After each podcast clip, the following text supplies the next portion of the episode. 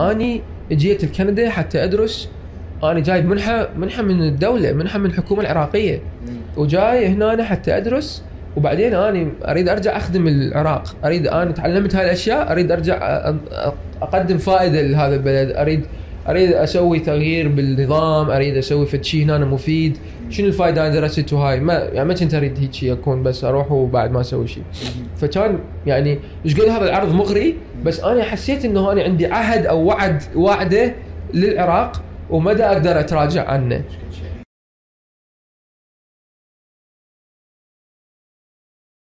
أهلا بكم بودكاست تجارب حلقتنا اليوم حنسولف بيها ويا مرتضى التميمي. مرتضى هو بالأساس مطور برمجي آه، بشركة فيسبوك أو ميتا آه، حنسولف اليوم عن تجربة مرتضى كشاب عراقي جاي من عائلة متوسطة الدخل أو شوي جو متوسطه على قولته. آه، باولا حصوله على منحة آه، ما كمل دراسة بالإعدادية لكندا. إكمال دراسته الجامعية هناك آه، التدريب اللي حصله بهالفترة آه، بمختلف الشركات التكنولوجية وإدراكه على أنه الخبرة الأكاديمية شلون اختلافها عن الخبرة العملية وشلون الشخص يقدر يوازن بين الاثنين آه، شلون بعدين بدأ بالبحث عن شغل أكثر وشلون قدر أنه يضبط ال CV مالته كمبرمج ال interview مالته آه، اللي بعدين إلى الدخول لشركة فيسبوك واحدة من أصعب الشركات الدخول إليها كمبرمج. وهاي من الحكي همينا عن البرمجة شلون الشخص يقدر يبرمج صح يبرمج غلط وشغلات المهمة للمبرمجين إنه يبقوها ببالهم من يريدون آه، يفوتون لأي وحدة من هاي الشركات. راح نحكي همين عن سفرة لأن عمله كمبرمج هواية أهله إنه آه، يشتغل ريموتلي ف يعني حاليا هو هدفه الرئيسي هو إنه يزور شكو دولة بالعالم بجواز عراقي. راح نسولف عن هاي تجاربه بمختلف هاي الدول آه، الحلوة الما حلوة الغريبة آه، وغيرها همينة. راح نسولف عن رجعته للعراق آه، الشغل اللي دي يسويه اليوم بالعراق آه، المبادرات اللي دي يشتغل عليها التطوعية مثل سفراء النظافة عبارة عن مبادرة أساس عمله هو إنه تنظف الأنهار وتنظف حتى المناطق بغداد المليئة بالنفايات. آه، وغيرها من التجارب اليوم راح نحكيها ونسولف بيها ويا مرتضى. كلش أنا شخصيا تونست بهاي الحلقة أتمنى تهمينا تتونسون بيها.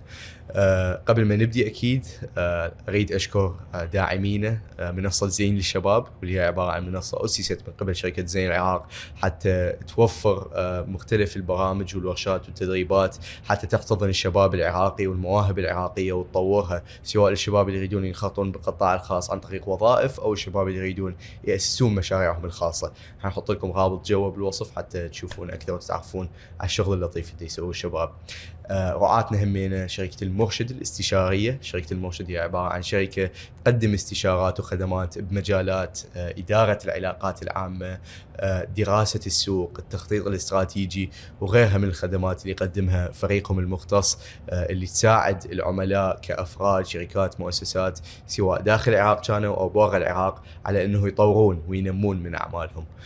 آه، همينا آه، المكان اللي نصور بيه اليوم Business Avenue واللي هو عبارة عن مجموعة من المساحات أو المكاتب آه، المتوفرة للناس اللي يريدون يسوون اجتماعاتهم أو تدريباتهم بوحدة من القاعات الموجودة عندهم أو الأفراد الشركات المؤسسات اللي يريدون انه يشتغلون ويأسسون عملهم ويكون لهم مكتب ببيئة هادئة مرتبة مريحة ولطيفة مثل هاي. عندهم ثلاث أفرع ببغداد اثنين بالمنصور واحد بالكراده وفعلا بيئة كلش مؤهلة وتساعد الواحد إنه يسوي شغله سواء freelancer يريد ياخذ شغله إلى ال next level بإنه يكون له مكتب أو شركة تريد تستقبل ال clients مالتها هنا فعلا مكان آه، كلش لطيف لكل الفئات وكل أنواع من العمل اللي يريدون الناس يسووه.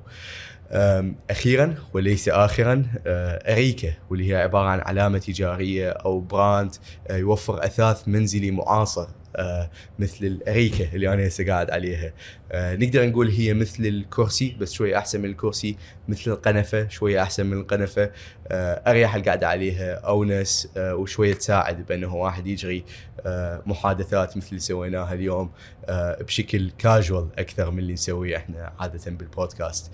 عندهم منتجات من غير الاريكه نحط لكم رابط للصفحه مالتهم.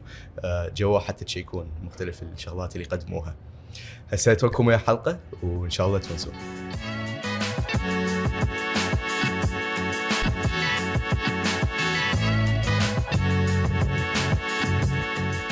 بس أنا سؤالي هو آه، انت رايح الدولة قبل بيها ازدحامات مثل العراق؟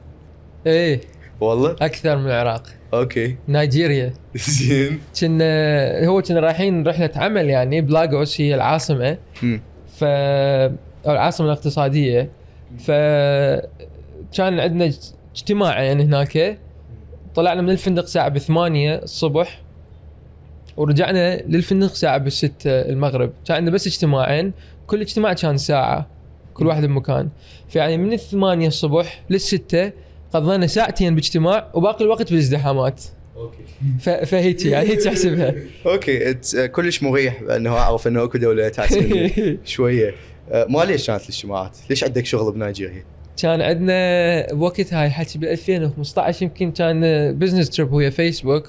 آه، رحله عمل بفيسبوك وكنا نسوي هناك آه، هذا المشروع اللي هو اني من بديت أشتغل بفيسبوك آه، كنت جزء منه إنه نوصل الإنترنت الاماكن أو الدول ما بيها انترنت أو انترنت مم. سيء بيها اللي هي ف- ال Free Basics إحنا عندنا كان هذا Free Basics اي الناس يستخدموه. المجاني إيه إيه إيه. المجاني تفتح فيس مجاني. واتساب مجاني. بالضبط موجود بعده؟ موجود لحد الآن wow أنا على هذا البرنامج مو أنا أنا أدري هاي البرامج إحنا اشتغلنا عليها قبل فترة مم. وقمنا نشتغل على غير أشياء فهاي ما أدري إذا هي بعدها موجودة أو لا لأنه يعني هذا إحنا الحكي بال 2015 إحنا كنا نشتغل على ال Free Basics.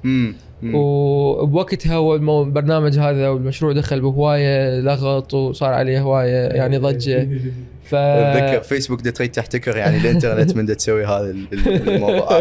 فعلا هو اكو أكو وجهة نظر لهالشيء يعني. اي بالضبط. هو صار موضوع فلسفي معقد إنه هل هذا احتكار الإنترنت؟ هل هذا سيطره على الإنترنت من إنه كانت هي مو بس فيسبوك وواتساب كانت انه حتى تقدر تفتح ويكيبيديا وبي بي سي وما ادري شنو. من عندها. فكانت ال platform وطريقه ال serving يعني شلون ت- شنو ال serving تخدم شلون تخدم اي شلون تقدم الانترنت لل- للمستخدم. كان اكو ناس يقولون انه الانترنت دا يمر من خلال فيسبوك فكان. فيسبوك دا تسيطر على الانترنت ف. أي. فكان هواي اكو وبالهند هو اكبر اكبر ضجه صارت على هذا المشروع هي بالهند كانت ونسد المشروع بالهند. فلذلك انت تقول لي إنه آه، بعده أنا يعني فرحان إنه بعده دا يشتغل هنا، إنه بيها فائدة أنا أشوف. صحيح. وهم إنه ما عندنا جهه كلش تشريعية تتباوع على هذا الشيء يعني. إيه. بس هو هم يعني اني برأيي قد يكون مثير للجدل أنا أشوف هذا المشروع هو فعلا له فائدته آه،. وله له تأثير على هواية من الناس. أنا كنت من الناس اللي أستعمله يعني إيه. كنت أطلع من المدرسة فما كان أكو يعني خط امارات مثلا يضربني بوري. okay؟ فاللي أسويه كان أكو بوت أنا مسويه من التليجرام هاي قبل ما يطلع بالي يعني إنه أروح للبوت على التليجرام. التليجرام كان مجاني ما كنت أحتاج أشترك 4G كان مشمول بال Free Basics هاي مال فيسبوك يعني. فأدز له. مسج أدز له ال coordinates مالتي عنواني يعني يوديها على ال server مال كريم. okay؟ it's complicated I reverse engineer the API زين زين. ويجيني كريم على أساسه. وما. كان عندي نت يعني. بدون بدون اشتراك. وبدون بدون اشتراك 4G يعني. زين. فكان يعني شنو بوقتها هذا يعني؟ فشي محرر يعني فعلا كان. إيه. آه بس إذا نرجع شوية لي ورا آه أنت شو وداك الفيسبوك؟ okay. واذا كل شيء نرجع لي ورا لي خلفيتك نرجع. الشخصية. إيش قد إيش قد نرجع لي ورا بعيد؟ إيش قد نرجع لي ورا يعني أنت إيش درست؟ آه، بالجامعة درست هندسة حاسبات. وين؟ آه، درست بكندا. كنت آه، يعني هو البكالوريوس مالتي درست بجامعه بكندا مم. أنا كنت هنا طالب بمدرسة الموهوبين بحي الجامعة مم. فهو أول شيء رحت أرجع لك بعد أكثر اي يلا ليش لا؟ آه، أنا يعني بعائلتنا كانت آه، إحنا من عائله يعني مستواها آه، أقل من المتوسط يمكن أقدر أقول يعني كنا عشنا منطقة شعبية بالحرية. تحيه خاصة لاهل الحرية آه، فيعني كنا عايشين ببيت صغير. أصلا ما كان عندنا بيت يعني كنا عايشين آه، أول شيء من جيت الدنيا كنا عايشين بيت جدي. ويعني تعرف الحصار وما كانت عائلتنا إنه عندهم فلوس يشترون بيت. بعدين ورا سنين صار لنا بيت. فبس بقينا إحنا ضمن يعني القيود أو حدود إنه إحنا من المستوى المتوسط ما حتى يعني lower middle class المستوى المتوسط الجو بالمتوسط يعني مم. مو كلش متوسط أو متوسط عالي. مو خوش شو متوسط إيه، الابي هذا بالقوة متوسط. ف... فكانت يعني حالتنا بسيطة وبس بس الشغلة اللي هي فادتني بالدنيا كلها إنه أهلي كانوا مهتمين بالتعليم. يعني بالرغم من إنهم من خلفية اقتصادية بسيطة ومتواضعة بس كان عندهم اهتمام بالتعليم. وإنه كلش يعني كانوا يركزون إنه ندرس ونطلع درجات وهاي. ف فأنا من صغير صرت سكات لأنه أهلي كانوا يعني يزرعون بينا هاي ال- الأشياء. ف فهو حتى من نباوة على مثلا حياتي وليش مثلا من أقارن مثلا نفسي ويا الأقارب أقاربي اللي إحنا عشنا بنفس البيئة تقريبا بيئه مشابهة من نفس حالة اقتصادية مشابهة.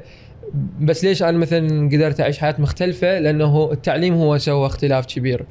أه وبعدين راح أحكي أكثر عن التعليم. من من من التعليم أقول تعليم ما أقصد معدل ودرجات وشهادة مم. أقصد شيء ثاني هم يعني. مم. فالمهم ف فكانوا أهلي خلونا بال- بالمتميزين. من تخرجنا من ال- من الابتدائية كنا نروح المتميزين. فرحت المتميزين. متميزين هي مدرسة يعني من هاي ال- ال- مال شوية الطلاب الأحسن.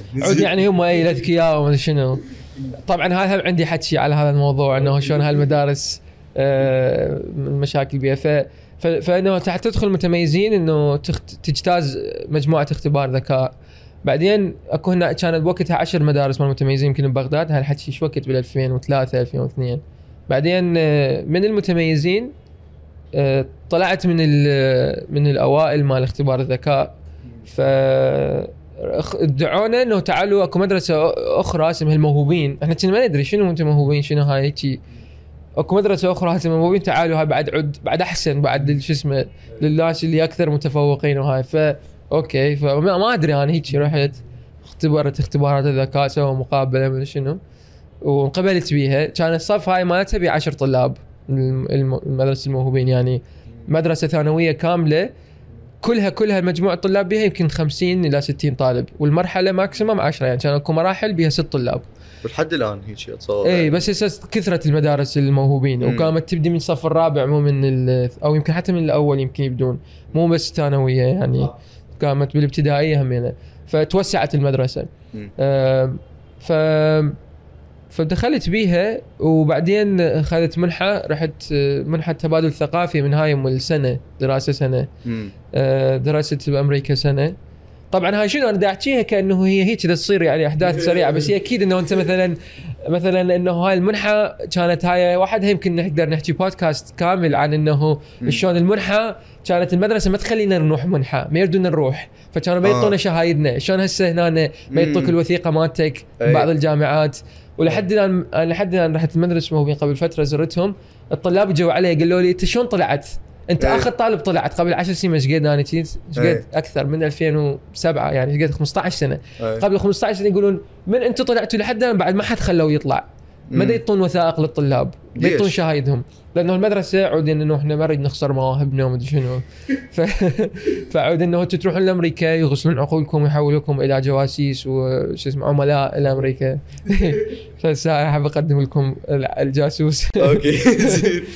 آه، غريبة. يعني هو ترى تحصيل حاصل يعني إذا واحد فعلا قافل على الموضوع أتصور يعني هو حيلقى طريقة. فهو إيه، ف- فهم صعبوها كلش. فهواي طلاب يعني ما يقدرون يشاركون بهاي البرامج لأنه هيجي إحنا بوقتها همينا كانت المدرسة ما تريد تخلينا بس إحنا استقتلنا وحتى خلينا يعني دخلنا الوزير بالموضوع. رحنا وصلنا للوزير وقلنا له وقنعنا الوزير إنه هو يوافق بحيث الوزير هو ضغط على إدارة المدرسة إنه يعطونا الوثائق مالته. تخيل يعني مم. اللي هي مسألة قد تافهة يعني هي إيه. مدرسة والطلاب ودا ياخذون وثائقهم. ليش يحتاج الوزير يتدخل بهيك إجراء كلش بسيط. فالمهم فكانت يعني لغوة طويلة. هاي من غير بوقتها من الفيز. تخيل بال 2007 عراقي دا يروح لأمريكا الفيز كانت هم كلش معقدة وكان الموضوع يعني العالم دا تريد تطلع واللجوء والتهريب ومن شنو هاي السوالف كانت الذروة مالتها لأنه. العراق كان باسوء حالاته.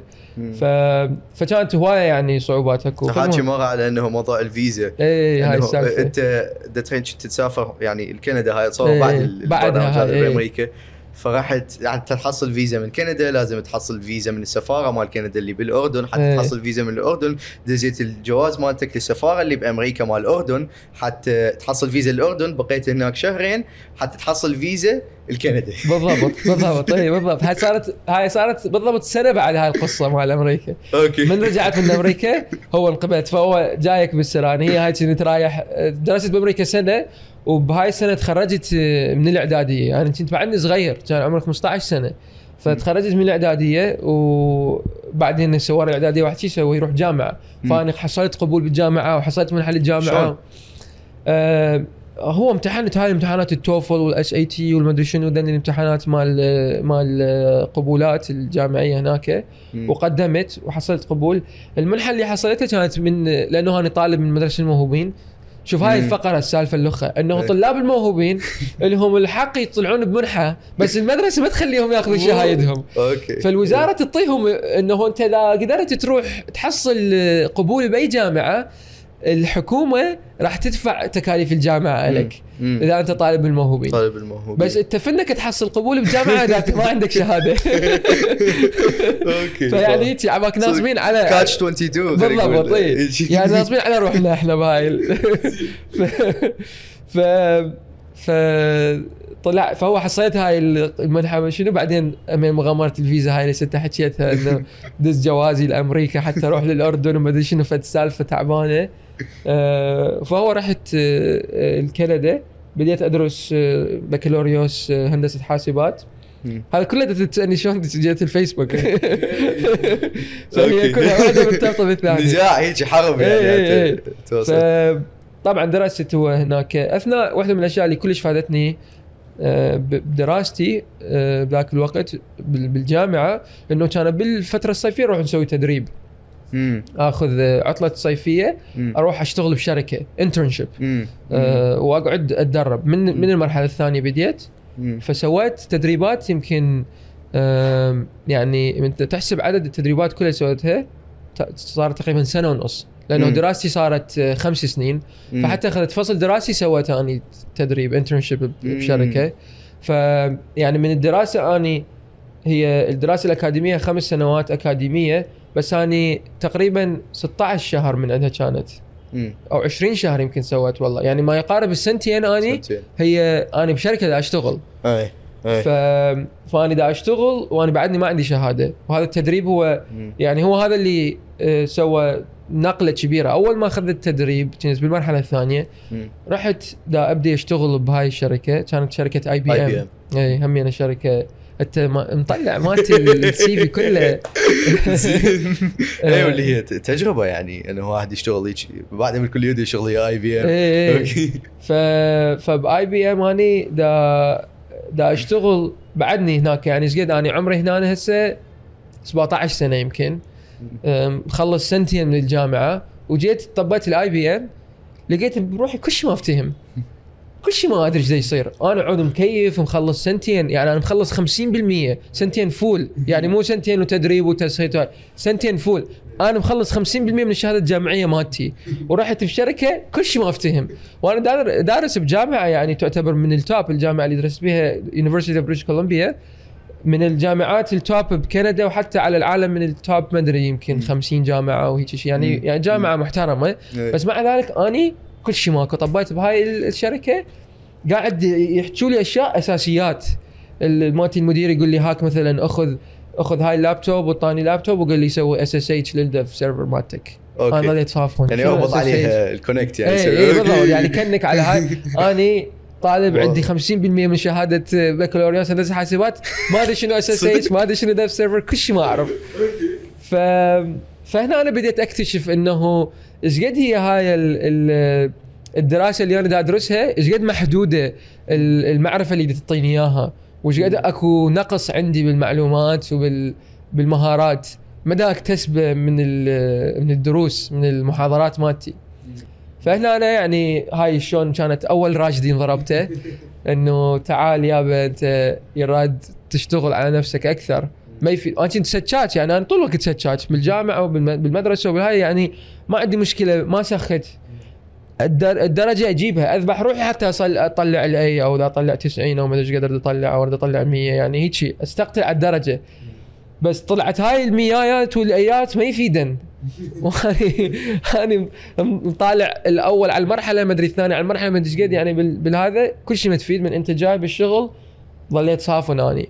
وكانوا اكو زملاء عندي درجاتهم مو كلش عالية بس هم دا يكونون دا يتفوقون بالعمل. ويعني. يحجون بأشياء وأفكار ومصطلحات و... ويحجون عن تكنولوجيز ويحجون عن مواضيع اني ما ما دا افتهمها فهنا بديت أفهم إنه يابا ترى هي الحياة مو بس تقعد تسج. إذا نقدر نبقى على هاي شوية هو فعلا هل أكو توازن تشوفه بين الدرجات بين الأكاديمية وبين الشغل أثناء ما واحد يدرس خصوصا بشيء مثل علوم الحاسبات اللي الشخص يقدر يفكر بانه okay أنا دا أدرس أنا دا أتعرف على هاي المفاهيم بالأكاديمية فاني okay زين.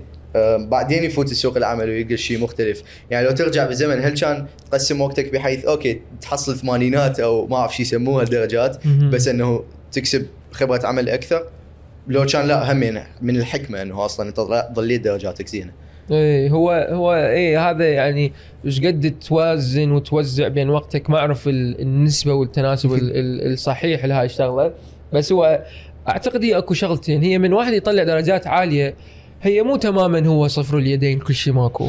لأنه أكو شغلتين. يعني هو الدرجات العالية إذا هو بنظام أكاديمي rigorous شلون واحد يقول rigorous بالعربي؟ زين أكاد يعني أكاديمي أكا- قوي. رصين- رصين. رصين رصين. إذا نظام أكاديمي رصين مو كلاوات.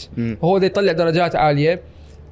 يبقى هو صحيح مو شرط إنه عنده معرفة بس على الأقل تدل على إنه مثلا عنده التزام. لأنه أنت حتى تطلع درجات أنت لازم عندك مهارة الالتزام وإنه أنت تقسم وقتك أو ما أعرف شنو تسوي حتى تقدر تقرأ وتحفظ وتفتهم وما أدري شنو. فأنت هاي المهارة هي يجوز يجوز هي هاي الالتزام راح يساعدك أنت بالعمل تكون ناجح.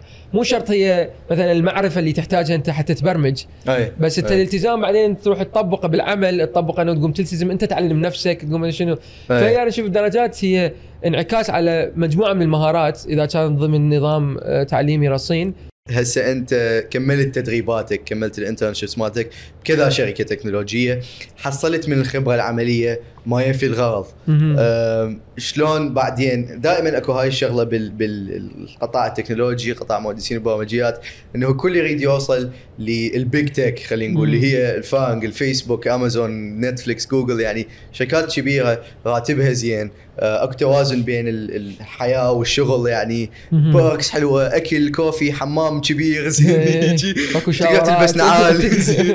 أه، شلون قدرت إنه فعلا تفوت؟ إيه. آه صراحة هي القصة هاي مال دخول الفيسبوك يعني آه مو فت قصة هيجي مبهرة. يعني هي كانت إنه هي هاي التدريبات أخذتها بالصيف. آه فبوقتها أنا من كنت طبعا أروح على التدريبات حتى IBM كنت ما أقدم عليها. كنت أقول أنا هاي شركة كبيرة وشركة ناجحة يعني وين راح يباعون بوجهي؟ ف... فكنت لا IBM لا مايكروسوفت لا فيسبوك لا جوجل لا أبل. أي وحده لا أمازون أي وحدة من الشركات الناجحة الكبيرة العملاقة ما تقرب لها.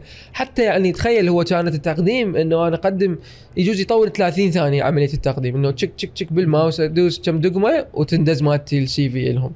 فحتى هاي كنت ما اسويها لأنه يعني يائس من الموضوع إنه هاني ممكن يباعون علي.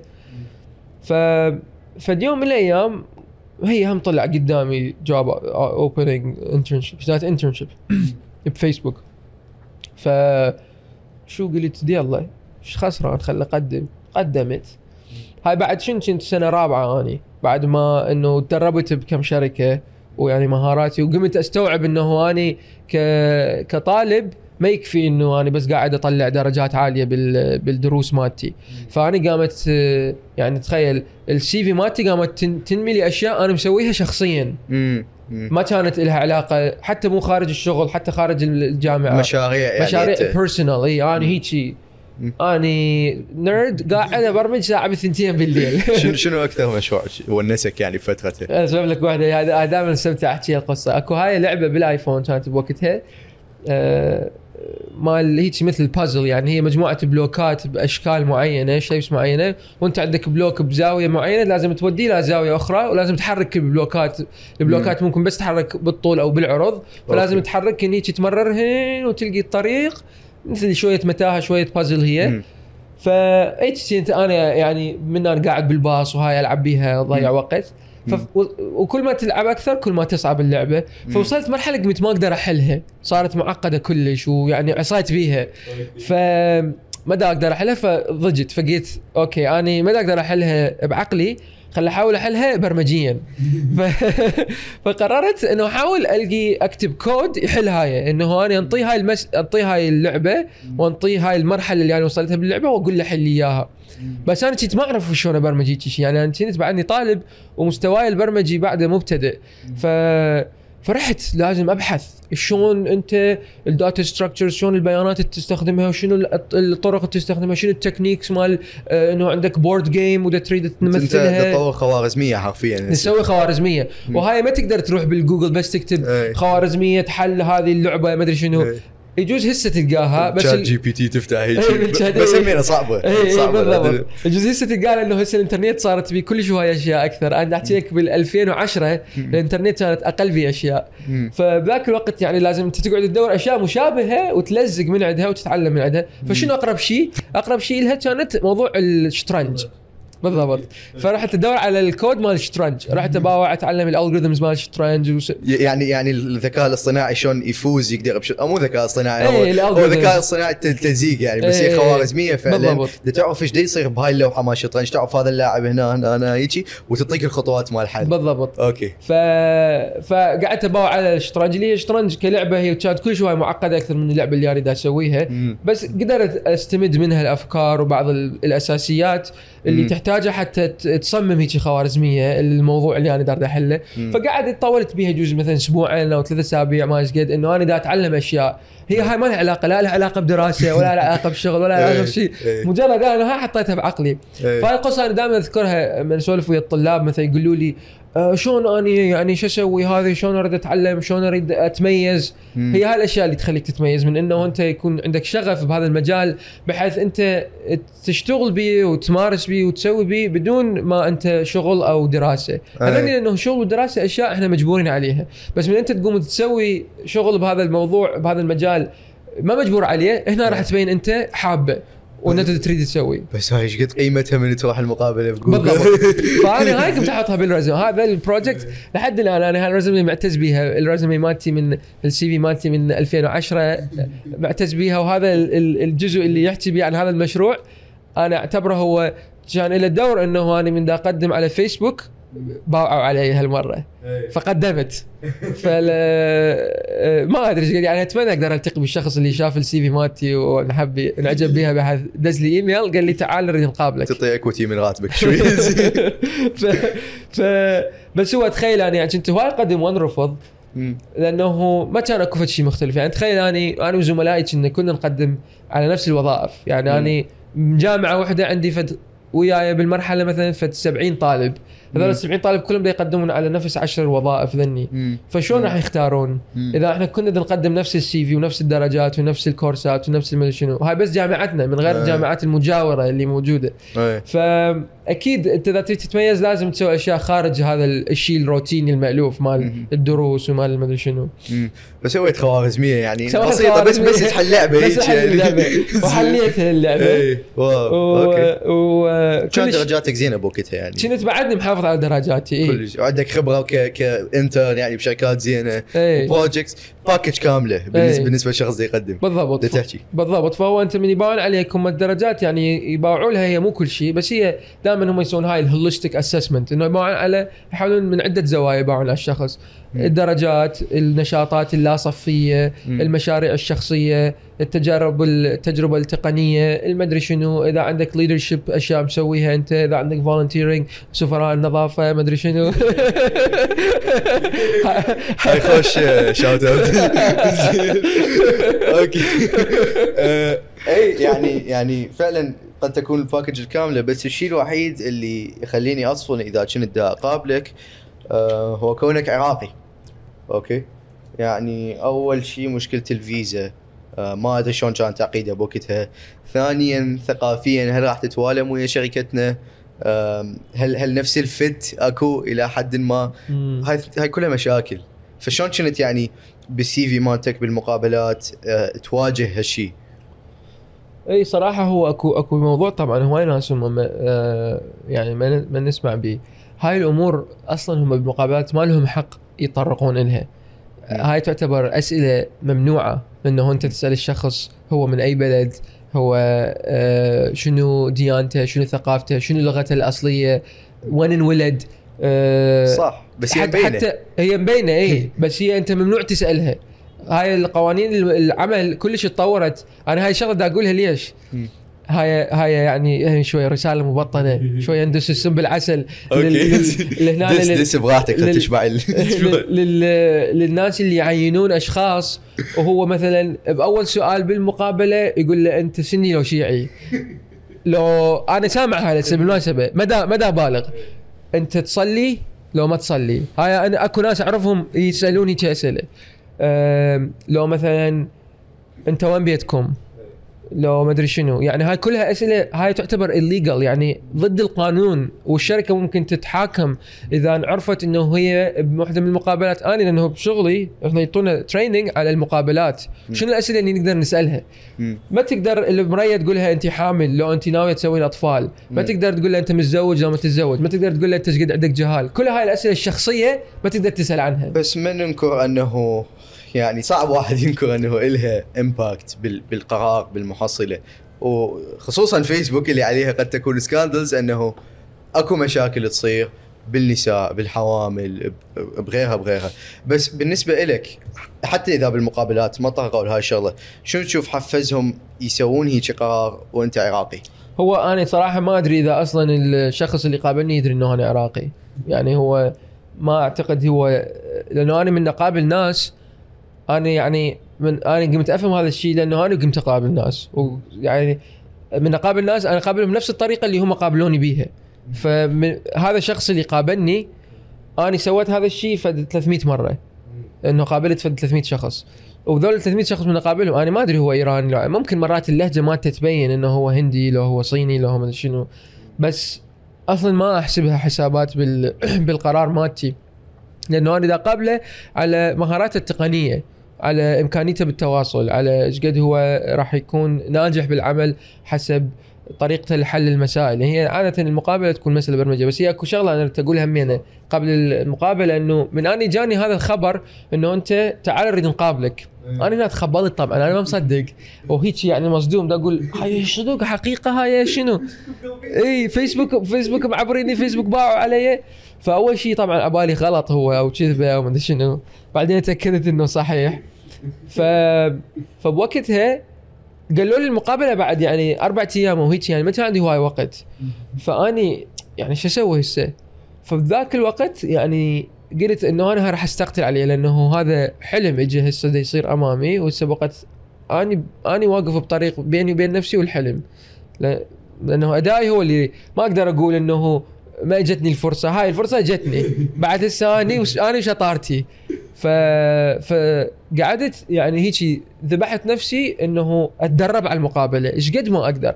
فأني كنت كنت اوريدي أنا عندي شغل أثناء اليوم بس أرجع للبيت من ال- مثلا أرجع بالاربع بالخمس العصر من العصر إلى حد اني بالثنتين بالثلاثة بالأربعة بالليل أنا قاعد أدرس. قاعد أروح على جوجل. كان بوقتها ما كانت موجودة هاي المواقع اللي هسه هنا كلش بزمننا هذا كلش فعالة ومعروفة اللي تدربك على مقابلات العمل. أنا دا أحكي لك بال 2011 ما كان عندنا هذا الشيء فكنت بس ما أعرف شلون أصلا شو أسوي؟ رحت على جوجل حرفيا كتبت أسئلة مقابلات عمل. فقامت تطلع لي هيك بلوجات كل واحد مثلا مقابل بمايكروسوفت وكتب اليوم أنا رحت قابلت بمايكروسوفت يسالوني هذا السؤال. جيبه خله حله. اليوم أنا رحت قابلت بجوجل يسالوني هذا السؤال. جيبه خله فهيك ناس كاتبين مالتهم forums وبلوجات ومدري شنو هيك مطشرة. مو هسه مثلا هسه إذا تريد تروح موقع يعطيك اياهم كلهن إيه. ويدربك عليهن ويقول لك الحل ويقول لك إذا غلط بالحل. مالتك مدري شنو. أنت تدرب هيك ورقة وقلم وحل ومدري شنو. فحليت كوما حليت يعني عشرات ما أدري إذا وصلت 100 سؤال بهاي الكم يوم.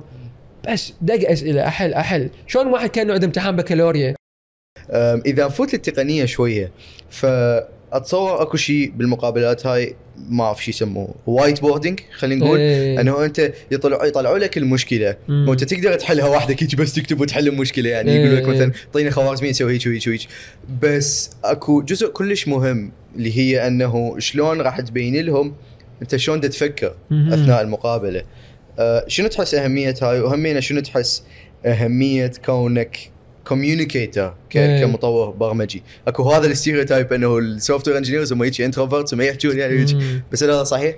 إيه خوش أسئلة هاي هسه أنا راح شوية أعطيك بعض أنا ما أحب أستخدم كلمة أسرار لأنه هاي أسرار. كلمة أسرار. يستخدموها. أسرار الدخول إلى جوجل إيه، هذول يستخدموها جماعة ال social media حتى يطشون. بدون ذكر أسماء. زين. أوكي.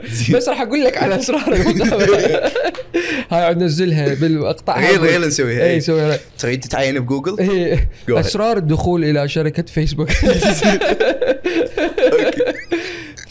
فحشاركك مو اسرار وإنما هي يعني كأني شخص دا دا قابل أنا إيش دا أفكر؟ وهاي يجزم هي اسرار بس يعني ما احب أنا ما أحب يكون أكو شيء يصير بالدنيا. إيه. آه، وإنما هي ال يعني الحسابات اللي أنا اخليها أنا مو من راح يجي شخص دا قابل راح أقول له واحد اثنين ثلاثة راح أقيمك على هاي. ما أنطيه إياه. هيك بس هي أنا ببالي حاطين إنه أكو أربع محاور.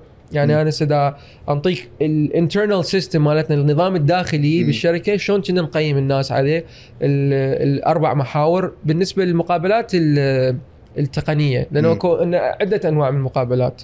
المقابلات التقنيه البرمجية أكو مقابلات شخصية يقيسون بها شخصيتك بالضبط وت- أكو مقابلات ال behavioral اللي هي تقيس يعني عادات وتصرفاتك وشلون تتعامل ويا المشاكل وشلون تتعامل ويا التحديات العمل. إذا أنت خوش ولد بس يكون هذا الموضوع. هو أكو عدة همين هاي هم بيها عدة محاور. هاي بيها سبع محاور. يمه ال- فكل وحدة هي بيها شو اسمه. بس هي إي يعني ببساطة يريدون يشوفون إنه أنت راح تقدر تكون فعال وناجح بهاي بيئة العمل. مم. هاي ما يحجون بها أشياء تقنية. مم. يكون يعني كلها حوار يكون. آه، ذيك التقنية يكون برمجة وكود وما أدري شنو. ف المحاور الأربعة اللي نقيم عليها المتقدمين هن ال problem solving إنه قدرة الحل قدرة مشاكل الحل المسألة والمشاكل هذه. ال communication إمكانيتهم بالتواصل. ال verification إنه إيش قد عندهم الإمكانية إنه من يكتبون كود إنه يقدرون يتحققون أو يتأكدون من آه، عمل هذا الكود اللي هي في شغلة كوما ناس ينسوها. كل هواية ناس ينسوها. لأنه عادة إحنا نفكر أنا مبرمج أنا أكتب كود. بس أنت جزء من ال life cycle من دورة حياة البرمجة هي ال development وال testing إنه. أنت تطور البرنامج وأنت تختبر البرنامج إيه. ال- ال- الت- ال testing هواي ناس ينسوه حتى هم مبرمجين مهندسين برمجيات ينسون إنه هاي جزء من دورة حياة ال software development إنه أنت عندك testing. ويهملوها ولذلك تلقى كوما كود ينكتب ما يشتغل زين سوي برنامج هيك يشتغل ما يشتغل ما إيه، كتبته بالضبط فال testing هو جزء من المسؤولية مال المبرمج اللي يطور. هواي ناس يعتبروا والله هاي غير واحد يسويها مو هاي ال- المستخدم يسويها. بس إحنا لا ال verification هو جزء من آه، دورة حياة البرمجة والبرنامج ولازم يكون عندك هاي المهارة. ف هاي الثالثة؟ فهاي الثالثة وال- والرابعة هي ال coding اللي هي آه، قابليتك على كتابة الكود يعني شنو مم. إنه الكود مالتك نظيف الكود مالتك مفهوم الكود مالتك آه، معقول يعني يشتغل مم. لأنه أنت ممكن عندك problem solving skills إنه أنت مهاراتك بحل المشكلة قوية إنه تقدر تحلها وتشرحها وتوصل بس ما تحولها لكود أنت ما تقدر. فذول الأربع محاور هن يغطن الأشياء اللي إحنا نباوع عليها بالمهارات التقنية مم. حل البروبلم سولفنج الكوميونيكيشن الفيريفيكيشن والكودينج قصدي إنه هو يعني الشركات هم مرات يحاولون يكونون غامضين بهذه لا على الاغلب أكو واحد على النت وحاكي إيه،. إذا واحد يطلع ليك product developer فيسبوك و leaks ال biases against الشباب وهيك أكو واحد حاكي عن المقابلات لا إيه. تخاف زين فهاي وين فهو عن ال عن ال ال- طريقة المقابلة وشنو شنو الأشياء ها تحكي على ال whiteboarding. على ال whiteboarding ليش نسويها؟ فكان جزء من سؤالك ال communication إنه هل أكو فد stereotype إنه المبرمجين يعني مهاراتهم بالتواصل ضعيفة ويكونون يعني آه، ما عندهم انطوائيين. اي انطوائيين أو ما عندهم social skills طبعا هنا كل وحدة شغلة انه انت تكون ضعيف بالتواصل هي تختلف عن انه انت تكون introverted هذا إني صح. هذا صح قصتين مخبوطات مع بعض إنه إنه واحدة ما لها علاقة بالثانية ال introvert هو مو معناته ما يعرف يتواصل إيه. آه هاي سالفة ثانية يراد نعرف ونوضح للناس شنو هو ال introvert وشنو ال extrovert. آه ال introvert حاحكيها على السريع إيه.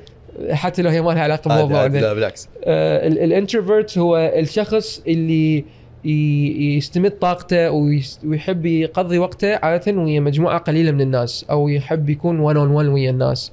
آه، هذول ال introverts مم. أو يحبون يحبون وقت الهدوء يحبون يكونون وحدهم. هاي الناس ال introverts ال extroverts هم الناس اللي يستمدون طاقة أو يستمتعون أو يتونسون من يكونون بمجامع كبيرة من يكونون هم عليهم اضواء من يكونون. هم ب crowds وهذه. فهاي ما لها علاقة بالتواصل. ممكن تلقى extroverts ما يعرف يتواصل وتواصله صفر. إيه. وممكن تلقى introverts تواصلهم رائع. ف وهاي همين اكو ناس يخبطون بين الخجل إنه يتصورون ال introverts هم خجولين. الخجل همين آه، موضوع ثاني. الخجل عادة مرتبط بال shame والشعور بالعار وإنه اني إنه اني عندي قلة ثقة. بس ال introvert مو شرط عنده قلة ثقة بنفسه. هو مجرد إنه يحب يكون بمجاميع صغيرة ويحب يكون يقعد ويا الناس ال- يكون وقت يعني intimate بيناتهم. مم. مو حميمي. group. وأنا أقول حميمي الناس يفهمون إيه، ف- okay okay. بشكل هادئ بشكل معقول.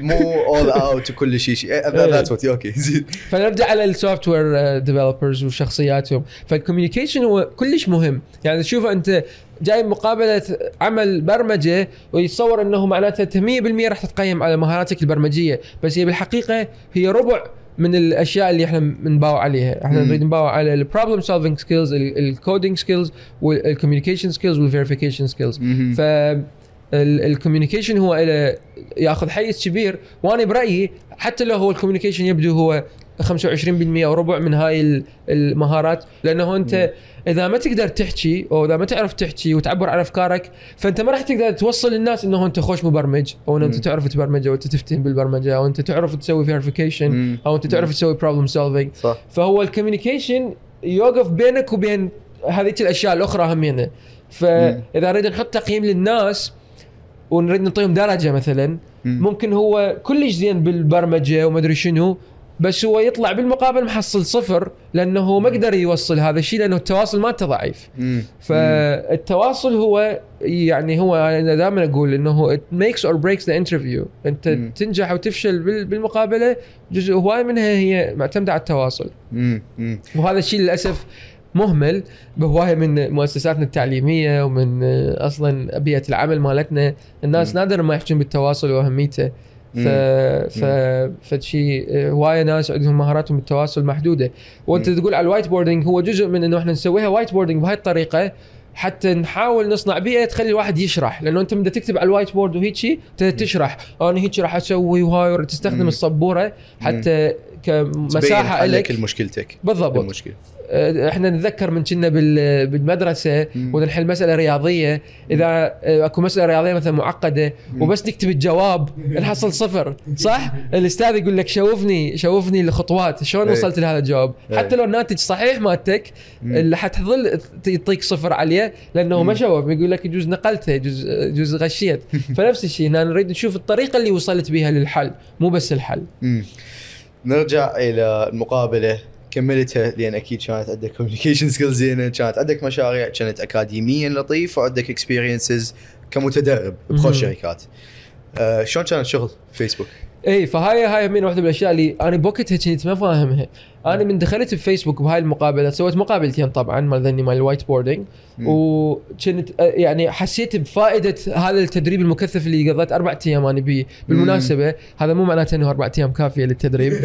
أنا مجرد إنه كان نصت إنه أربع أيام كانت كافية لي بس لو أريد أعيدها مثلا لو أريد أسوي أنا أقترح إنه واحد يأخذ لك كم شهر بالتدريب خصوصا حسب هو المستوى اللي يبيه. صح. فاني دربت أربع أيام وكنصت إنه غطيت المواضيع اللي هي بالمقابله من سألت عليها كانت مشابهة للي أنا كنت ادرسها إيه. بهذا اليوم مشيت من أنت- هذا داخل هذا ما اي داخل بالضبط شايف من انت تجيب الامتحان والبارحة انت قرأت السؤال. بالضبط صار وياي. ضربت وياك زين. انه أنا كنت البارحة أتدرب على هاي الأسئلة وجتني بالامتحان ف, ف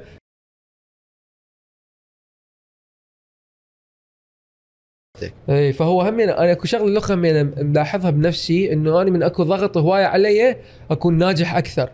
آه هاي الشغلة يعني شفتها يعني empirically شنو empirically يعني أكو data عندي إنه آه، لا مو مو تناقض. اي بشكل. بشكل اي بشكل واقعي. آه إنه من باوعت على ال كنت أول سنة بالجامعة أول فصل دراسي أخذت وحدات دراسية يمكن 18 أو 17 اللي هو عادة يعني الافرج مال الطلاب يأخذون 15 16 فأنا شوية فوق الافرج آه، كان معدلي بذيك الفترة آه، بذيك ذاك الفصل الدراسي يعني إذا تجمعها ما اتذكر بوقتها بس خلينا نقول 85 خلينا نقول هيك رقم. هذا أول فصل دراسي ماخذ اني 18 وحدة دراسية. بالسنة الرابعة أخذت 26 وحدة دراسية. اللي هو كان يعتبر فد عدد يعني يعني أصدقائي كلهم كانوا يقولوا لي انت مخبل أنا ما أدري ليش انت ردت تخرج من وقت. بعدين قررت ما اتخرج من وقت. هو إذا تأخذ يعني اعداد دراسيه أكثر فأقل الوقت اللي تحتاج الصفه إيه. بعد يعني بال بالضبط اي. اي بالضبط. إنه. أنت كأنه تأخذ دروس مال المرحلة الرابعة بالم- بالمرحلة الثالثة. إنه أنت تريد تحشكهن. فأنا قمت أحشك دروس. فمستعجل تتخرج. فحشكت كومة دروس أخذت يعني فوق أصلا يعني هي الجامعة حتى من كنت أسجل يقولوا لي انت متاكد هيك تريد تسجل؟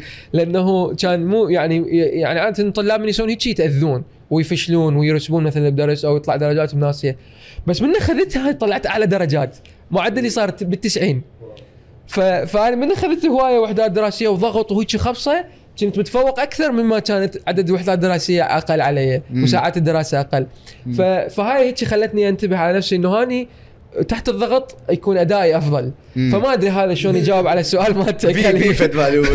اي أفتهمك لا هو سؤال صعب وغميج كلش يعني إيه. ما تقدر تطلع له هيك بإجابة واحدة آه بس إذا نفوت الفترة شغلك بفيسبوك شنو إيه. كان أحلى شيء بالنسبة لك يعني بذاك الوقت أحلى شيء كان فلوس مبدئيا آه هو هي الفلوس أكيد هي من من, من عرفت إنه أول شيء أنا دخلت قلت لك دخلت ك كمتدرب أنا بفيسبوك حتى هاي المقابلة وذني مقابلتين سويتين أنا متدرب بعدني طالب. فدخلت تدريب أنا كان أول شيء تدريب أربعة أشهر. فطبعا من جاني القبول هو حتى التدريب بفلوس وجاني قبول فدا أشوف الرقم. شنو؟ دقيقة هاي إيش قد وفوقها هذه يقولوا لي راح نعطيك سكن ببلاش والنقل مالتك المو... الطيارة مالتك لأنه انت أنت بكندا ودا أروح لأمريكا. وطيارتك نوديك ونراجعك ببلاش. وراح نعطيك ما أدري إيش قد على مود ما أدري شنو. وما أدري إيش قد على مود ما أدري شنو. هيك نعطيك هاي سوالف إضافية. اشتراك جيم وطبعا هاي من غير إنه العمل هو بثلاث كافيتريات مفتوحة طول الوقت واكل مجاني طول الأسبوع ثلاث وجبات باليوم. آه بعدين تكتشف إنه أنت ها مواصلاتك للشغل يوميا يجيك باص ياخذك من كنت بالاتش كيو أنا كنت بالاتش كيو اللي هو إي وين؟ كاليفورنيا. إي. Okay. Silicon Valley هي. شايف مم. كان الإيميل مال فيسبوك اللي يجيك بزمن بال 2007 من تسوي من تسوي حساب. يكتبون جوا عنوان الشركة. بالو ألتو كاليفورنيا okay okay فهو okay. هناك. Okay إيه. فيك فيك إيه. تقول إيه، هذا أنا. هذا أنا نسيته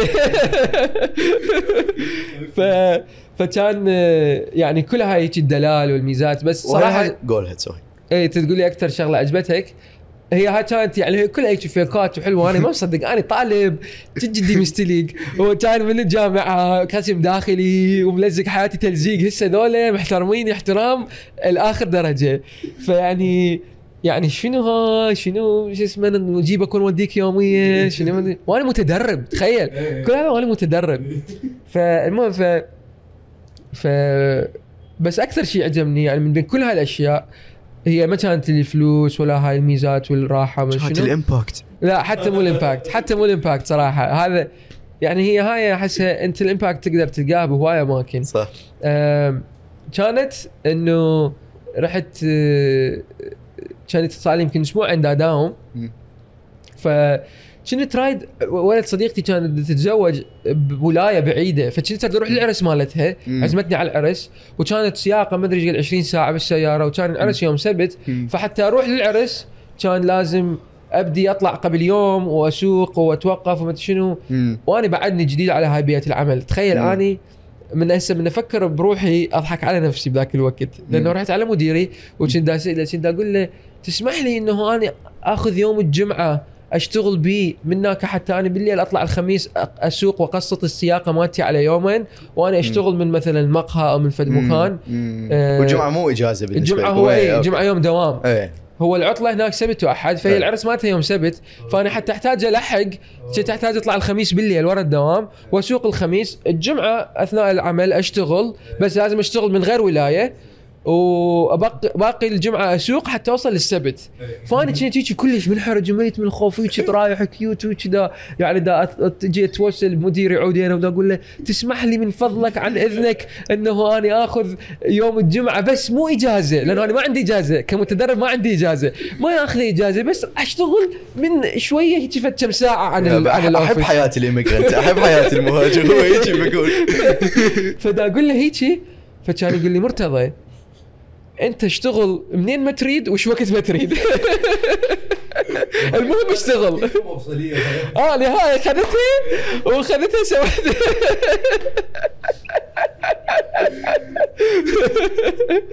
حرفيا لحد اتذكر قال لي feel free to work wherever you want whenever you want as long as you work. فانا بعد. رحم الله والديك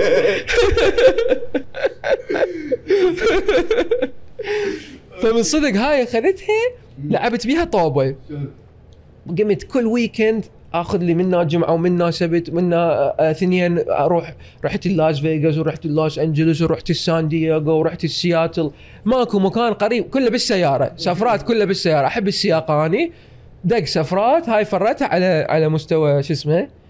أمريكا. بس رحت لنيويورك رحت آه، رحت المينيسوتا يمكن زرت همينة العائلة اللي عشت وياهم المهم يعني فرفرت حتى نعطي شوي context عائلة عشت وياها أنت من جيت اي من كنت طالب بهاي منحة التبادل الثقافي بالإعدادية إيه. كنت عايش ويا عائلة من كنت أدرس بمدرسة هاي الحكي بال 2007 يعني قبل لا قبل الجامعة قبل. كندا قبل. فيسبوك قبل هاي. عشت ويا عائلة استضافوني. فالمهم فرحت زرتهم همينه ب... إيه. فماكو ما بقيت شيء ما هذا. أنا استغليته أبشع استغلال هاي السالفة. وطبعا هاي حتى هذا الاستغلال هو بعدين من نقارنه مثلا من بعدين قمت أقوم أسافر أروح. هاي بعدين شوية. تشجعت أكثر. أحكي لي. اي هاي يعني أنت شو وقت قلت خل أطلع من اطار أمريكا بس؟ اي اي هاي أنا كنت كل هالفترة متدرب. أنا أربع أشهر متدرب. آه بفيسبوك.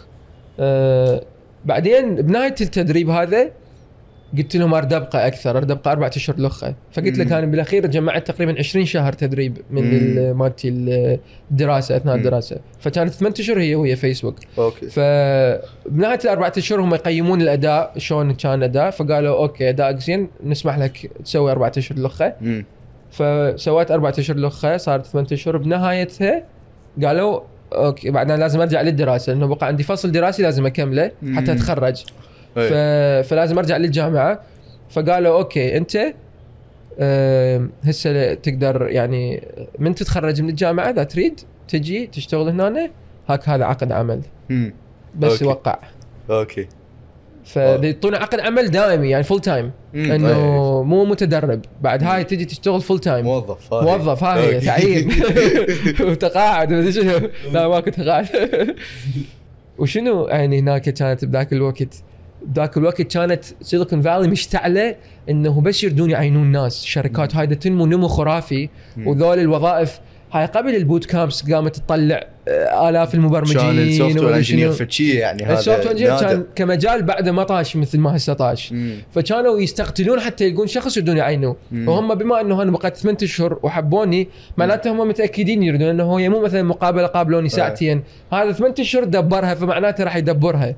فكانوا يعني يعني واثقين من نفسهم يردوني يبقوني فهم من هيك عندهم ذول يعني هي هذا أصلا أصلا ال internship program هذا برامج التدريب مع الشركة يستخدموه طريقة يجذبون بها ال- ال- الطلاب. حتى يضمنون الطالب من يتخرج راح يجي يمهم ف فشطوا يطوا عروض مغرية كلش. فهاي ال- ال- اللي هي ال- ال recruiter هي اللي تشتغل بهذا المجال إنه تجذب تجيب الناس. نطتني العرض هذا ال- ال job offer عرض العمل وقالت هاي بس وقع. طبعا شنو؟ أكو فد شيء اسمه sign-on bonus هذا ال sign-on bonus اللي هو إنه أنت هسه لا توقع نعطيك 100000 دولار. إيه. هيك كانت والله إذا ما تنتظر وتفكر وتفاوض. لا هو إنه أنت حتى لو تنتظر عادي. آه. بس هو وقت التوقيع تجيك 100000 دولار. أوكي. أوكي. حتى شنو هاي؟ إنه يجذبوك. لأنه مثلا أكو شركة ما عندها فلوس هواي. فيسبوك عندها فلوس هوايه مم. فقامت هي الشركات شلون تتنافس. انهم أنا اعطيك راتب حلو. وهذول كم نعطيك راتب حلو. فإحنا شلون نقنعك؟ دهاك هاي هسه فلوس هسه هاي مو راتب. هاي هسه. راح نعطيك 100000 دولار هسه. أوكي. أوكي. وطوك 200 راح نعطيك 100000 دولار. أوكي. كانت هيجي. هاي بذاك الوقت ال signing bonus كان هيجي. هسه صارت ال signing bonus 10000 15000 لأنه. صار هواي اكو اكو software engineers بس بذاك الوقت فأني أنا ما مستوعب. أنا طالب. وهاي قاعدة تقول لي هسه توقع نعطيك 100000 دولار. بقولها أكيد هاي أكيد مو 10000 دولار أكيد هاي 100000 دولار. أكو أكو أكو خمس صفارة هاي صدق أكو خمس صفارة. ف فأني كنت بذاك الوقت هنا هسه هاي شوي هم قصة ما أدري إذا راح تطلع عن موضوعنا. أي. بس هي كانت نوعا ما لحظة كلش محورية بحياتي. إنه أني هسه هنا من أحسن شركات العالم قاعدة تعطيني عرض عمل. وبيكم فلوس بيكم ميزات. شركة أنا اشتغلت بيها وكلش حبيتها. حبيتها مو بس لأنه فلوسهم زينة وأكلهم طيب وش اسمه بس لأنه مديري قال لي اشتغل وين ما تريد وش وقت ما تريد. هاي بالنسبة لي تسوى ام الفلوس. ف... فكل بيها هاي الأشياء. واللي أنا كنت قبل ما اشتغل باي بي ام واي بي ام ما كنت يعني من أقارن أنا كنت ما أقدر اجرعها الاي بي ام هسه تقول لي روح اشتغل باي بي ام و... ونعطيك 10 أضعاف فلوس ما أقبل. وهي كشركة أقدم و systems شركة كلش قديمة. اي بي ام شركة عمرها فوق ال 100 سنة. إيه. كانوا يسوون حتى من بداوا كانوا يسوون مكاين تقطع ال- ال- ال- ال cheese الجبن. الجبن مكاين قطع الجبن. إيه. تخيل الشركة كانت تشتغل بالجبن صارت تسوي تسوي كمبيوترات. إيش قد غيرت يعني مسار الشركة بس عندها من الثقافة مالتها بعدها أشياء قديمة كلش. مقارنة بفيسبوك وجوجل هاي الشركات الحديثة اللي هي هواية طريقة عملهم وثقافه عمل مختلفة. فالمهم فمن أباوع على اي بي ام وهاي الشركات أنا ما إلي أي مكان بيها. اي فعلا يعني مواجه من هاي الخيارين وهم من الفكرة اللي كانت راح تطلع إنه إذا رجعت للعراق هل كانت راح تكون هيجي ناجحة قد يكون من الحكيم إنه أنت اختاريت. خل خل الشغل بفيسبوك هالحكي شهر 12 2012 عندي عقد من فيسبوك عرض من فيسبوك بس ناقصة توقيعي. ودا يقولوا لي هاك هاي كل الميزات وكل هذه. وش وقت ما تريد؟ طبعا هاي شنو؟ الفيزا عليهم والمحامي عليهم وال green card عليهم والدنيا كلها عليهم.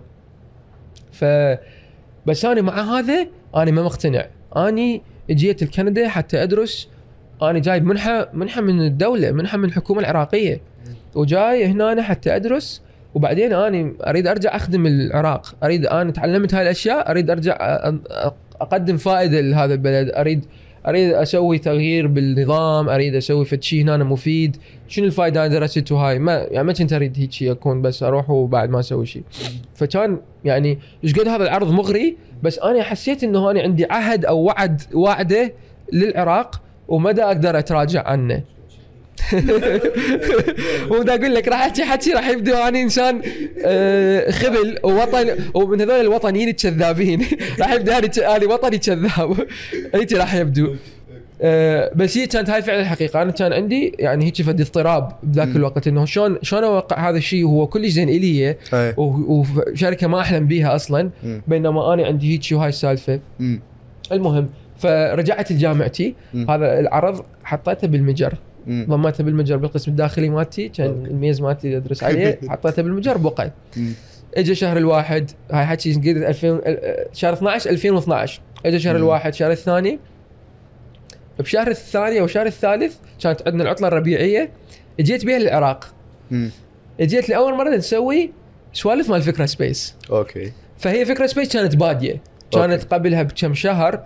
آه، بنهاية هي 2012 بدت آه، تجمعات فكرة سبيس فكرة سبيس هي كانت أول hackerspace يصير هنا بالعراق هذا ال hackerspace هي كانت بوقتها كانت لا ما حتى أنا ما أعرف شنو هي. اي ما تعرف شنو هاكر ما space؟ أعرف شنو hackerspace ال hackerspace هي كانت بوقتها هذيك الفترة تشتهر هاي فكرة ال hackerspace إنه هي ببساطة هي مكان يجيب يجمع الناس هي كانت اسمها hackerspace بعدين تغير إلى makerspace ناس مهتمين إنه يصنعون أشياء.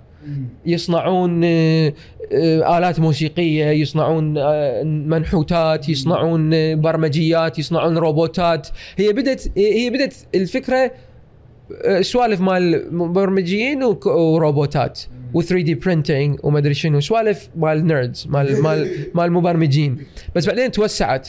هذول المبرمجين اللي يحبون العزف قاموا يجيبون جيتاراتهم ومعزوفاتهم وذول اللي يحبون ما ادري شنو قاموا يجيبون النحت مالتهم والرسم يحبون الرسم. فهي صارت يعني space it's space about making إنه إحنا جايين بهذا المكان نصنع أشياء. مم. ممكن يكون أي شيء. مم. ممكن نسوي تجمعات وتدريبات وورشات وهاي وقامت تكون إنه community space وبيها tools بيها أدوات مال آه، لايتات و- و- و- ودرنفيسات ومدري شنو.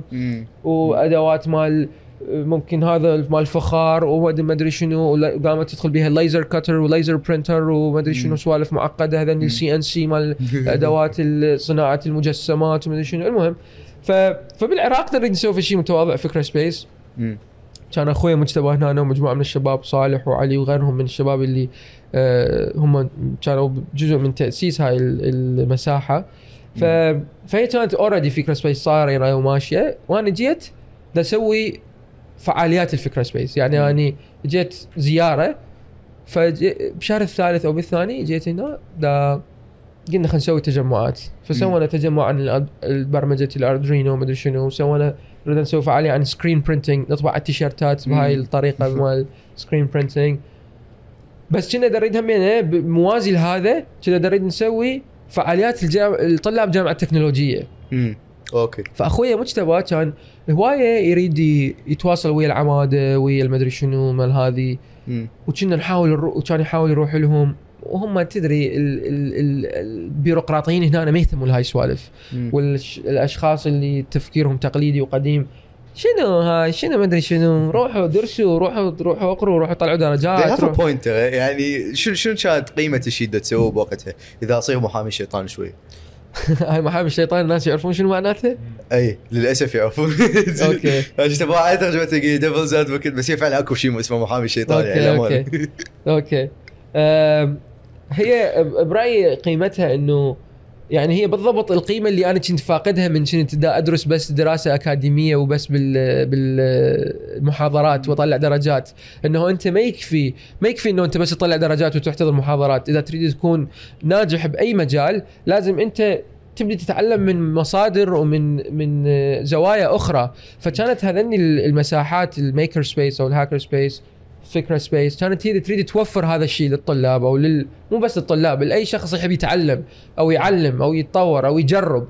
هي هاي كانت الفكرة منها. فمكان للإبداع مكان إنه نصنع به آه والعميد ما مقتنع. والعم اللي هاي ما مقتنعين. فاني فمن جيت اني مم. قاموا ياخذوني وياهم. تعال أستاذ هذا جاي من أمريكا. تعال أستاذ هذا مبرمج بفيسبوك. فجأة ذولا قاموا يستمعون. الأشياء اللي كنا نريد مثلا إحنا نحصل موافقة عليها ونحصل إنه بس كلمة ويا ذول الإداريين اللي هم ما يقبلون أصلا واحد يحكي وياهم. من جايبيني أني تعال هذا من شو اسمه؟ تعال هذا ويا مارك زكربرج هذا بي هذا من أمريكا هذا يحكي إنجليزي هذا مدري شنو. قاموا يستمعون لنا مم. فبذاك الأسبوع حسيت بروحي أني مسوي إنجاز بالعراق ومقدم للعراق أكثر مما أنا مقدمة من الاشياء اللي مسويها بسنين بحياتي. مم.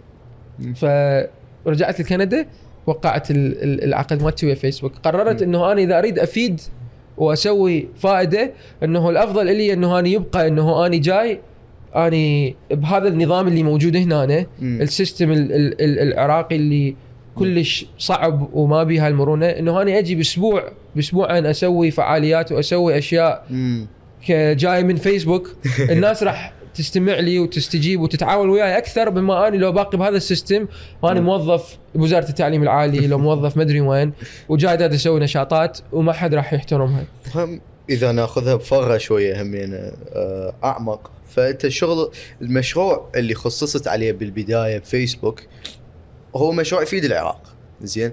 بصورة مباشرة صورة مو مباشرة هو دي يوفر نت للناس اللي ما عندهم فلوس يدفعون على النت. كان هاي بتفكيرك لو؟ اي أنا من دخلت فهي أكو شغلة هي هاي طبعا أنا اختارتها مو هو اختارني أو مو صارت صدفة. إحنا بفيسبوك عندنا من تدخل الشركة ماكو تدخل على إنه هم يخلوك بمشروع معين. مم. أنت تختار المشروع فعندك أول ست إلى ثمان أسابيع من الدوام أنت بس قاعد تفرفر. يوم من هنا يوم هنا يوم تسوي task لهذا ال team يوم تسوي project صغير لهذا ال team قاعد تستكشف التيمات فبوقتها من آه، هاي شنو شو وقت هاي؟ هاي مرة ما خلصت التدريب فكان التسلسل صار إنه تدربت ثمان أشهر بفيسبوك رجعت للجامعة. آه، سويت هاي الفقرة مال فكرة space جيت بيها وبعدها يعني وقعت العقد قلت لهم أنا راح أرجع أشتغل وياكم. ورا أربعة أشهر رجعت أشتغل ورا ما تخرجت. وكملت إجراءات التخرج. رجعت أشتغل ب ك full time إنه أنا موظف. فهمتك. ف بوقتها هو أنا من دخلت كموظف هسه full time هناك كانوا يدخلوني بهذه الفترة مال ست إلى ثمان أسابيع. تعال انت وين تريد يا team تريد تشتغل بيه يا. project يا مشروع تشتغل عليه مم. فكانوا يجون كل كل ما مدير فريق معين يجي يحكي عن الفريق مالته وإحنا بدنا نسوي هيجي وإحنا هيجي وإحنا ما أدري شنو هاي داخل الشركة نفسها recruiting همين اكو بالضبط بالضبط وهاي طبعا من كبرة الشركة صار الموضوع كلش معقد أكثر. وقاموا ال- المدراء يعانون حتى يحصلون من ذول الجديدين. الوجبة. الجديدة مال الموظفين الجاية لازم يستقتل حتى يحصل له واحد من عندهم. أوكي. وأنا كان مديري مرات يدزني. هاي بعدين من اني يعني يدزني يقول لي هذا روح روح قنعه جر لنا اياه وقول له إحنا عندنا سفرات نروح افريقيا ونروح مدري شنو. فانت اقتنعت اقتنعت بالوصفات الأفريقية. إيه هم هم قاموا يستخدموني كأرشي الموظفين الجديدين بالسفرات. فصارت هيك منافسة داخلية على الموظفين الجدد. فالمهم ف. فكانوا الجايين المدراء مال الفرق يحكون عن المشاريع مالتهم. فواحد منهم حكى قال إحنا نسوي مشروع يطمح إنه يوصل الإنترنت لكل دول العالم والناس اللي ما عندها إنترنت. فأنا قلت هذا هذا مشروعي هذا اللي أريد أشتغل عليه اني إيه. فقبل كلبت بيه ورحت قلت لهم اني بوقتها أنا جربت فد فريقين ثلاثة حتى هيك إذا أستكشف فريق يشتغل على الماسنجر وفريق يشتغل على الإعلانات وفريق يشتغل على الصور وفريق على الفيديوهات ما أتذكر شنو كانت الفرق اللي جربتها اثنين منهن بس ما اقتنعت يعني ما حسيت أكو شغف لي. قلت هذا المشروع أنا أريد أسويه. أنا جاي أشتغل بهاي الشركة بس هذا مشروع هذا مشروع خيري.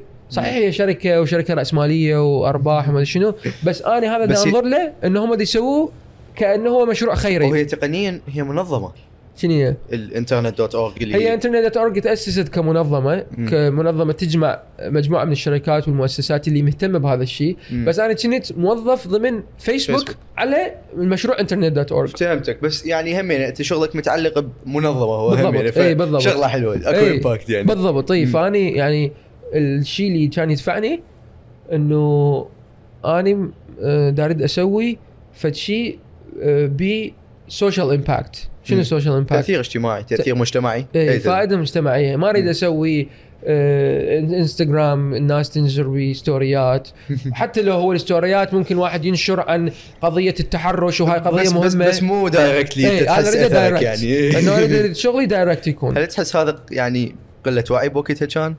لو يعني اليوم الشخص اللي سوى الستوريات على إنستغرام عنده ألف شغلة يقدر يتفيد بيها. إيه. أنا ما أنا ما تغير موقفي من هذا الموضوع. لحد الآن أنا يعني أنا بقيت طول الوقت بفيسبوك أشتغل على هذا المشروع. ما. غيرت. لأنه من أباوع على أي مشروع ثاني ما أحس بنفسي. آه عندي شغف وحماس على أي شيء ثاني. هذا قضية إنه إيه. توصل الإنترنت للناس اللي ما عندهم إنترنت. Including me at one point اللي أنت من واحد. منهم تاخذ تاكسي بال- بالإنترنت هذا. بالمناسبة أنا Free Basics واحد من أعز المشاريع ال- على قلبي واشتغلنا عليه. يعني من نباوع على رحلتي بفيسبوك وهاي السنين اللي اشتغلت بها Free Basics هو أكثر مشروع أنا أحبه. تقنيا بشنو كنت تشتغل؟ على شنو؟ آه هي يعني ال technology اللي نستخدمها أنا كنت ويب أكثر شيء. full stack web ال technology إحنا فيسبوك هو React و JavaScript بال front end مالته مم. والباك اند هي بي اتش بي أوكي. فأنت كنت على ال front end لو full full full stack okay okay إيه. okay فعلى فهمت. كلهن أوكي أوكي. فالواجهه والشيء اللي يصير لي ورا كذا قواعد وشغلات وذاك المبرمجين دا يباوعونه. أشجعكم إنه تعلموا back end و front end لا بس تتعلمون بس front end لو بس back end من تكون أنت آه، تتعلم كل الجهات تكون مميز ومرغوب أكثر بالعمل. والله؟ شكرا. هذا هذا رأي جدا مثير للجدل. تدري لو؟ آه، أنا أعتقد إنه أنت تتخصص ما يخالف إنه. تتخصص وتكون قوي عندك نقطة قوة إنه أنت إنه أنت نقطة قوة مالتك ال front end أو. نقطة قوة مالتك ال back بس end بداية. بس بس خلي يكون عندك إلمام بالأساسيات مالتهن بحيث أنت تقدر تقمز منه ومنه إذا احتاجيت. لا تكون لا تقول لا تكون انت نوع من الموظف اللي هو front end وتجي شغلة مال back end يقول أنا ما اعرف أنا back end ما, ما أعرف لا توخروها من يمي. إذا تصير هيك هاي مو زين عليك. أنا هذا اللي قاعد أقول له فهمتك. بس تتخصص وتكون قوي بوحدة منهن لا بأس. بس إنه تكون ما تعرف تماما بالثانية هذا الشيء مو زين. فهمتك فهمتك. okay. اشتغلت على هذا المشروع. شنو كان يميز الشغل بفيسبوك عن بقية الشركات اللي تشتغل بيها؟ برأيك أه، أكو هذا ثقافه ال move fast and break things. واللي هي حلوة وقد تكون زينة. هل حسيت هاي شغلة مميزة؟ لو الضغط اللي اللي يسلط على المطور لو شنو تشوف فعلا؟ كان يميز التجربة. تدري أني أنا أتمنى لو جايب وياي هذا ال- الكتاب أنا شلون ما شلون ما فكرت. لو أدري كان إحنا مواضيعنا راح تكون على هذا الشيء اكو أكو كتاب أنا معتز به جدا. من آه، من أيام فيسبوك القديمة. آه، بال 2012 وزعوه لكل الموظفين وكلش سعيد أنا كنت محظوظ أكون Lean Startup؟ شلون؟ لا لا آه مو كتاب معروف آه كتاب داخلي للشركة okay أنا أعتبره هو هذا من تراث فيسبوك أسميه. تراث فيسبوك مم. آه، يحكي عن آه، شلون مراحل تكوين الشركة أو القيم اللي هي بيها. تخيل هو يعني آه، شلون تتخيل مثلا تجارب بودكاست يصير ناجح ويوصل مليارات المستمعين والمشاهدين وما شنو. وبيوم من الأيام أنت تت- عندك صور من هاي القعدات تجمعهن وتكتب إحنا قررنا نبدي تجارب بودكاست نستخدم آيفوناتنا الشخصية وتدق علي يا أمي وأنا هيك تسولف هاي القصص فهذا الكتاب هو بيه هاي القصص إنه هيك وصور حاطيها صح ادري صح شنو. صح. الأيام هيك ال- كلش مبكرة كل شيء. وقصص بها عبر أكو يعني مثلا فد لحظة مؤثرة ومهمة من تاريخ الشركة محطوطة بي مم. فهاي متجمعيها وهي هاي اللي صنعت ثقافة فيسبوك.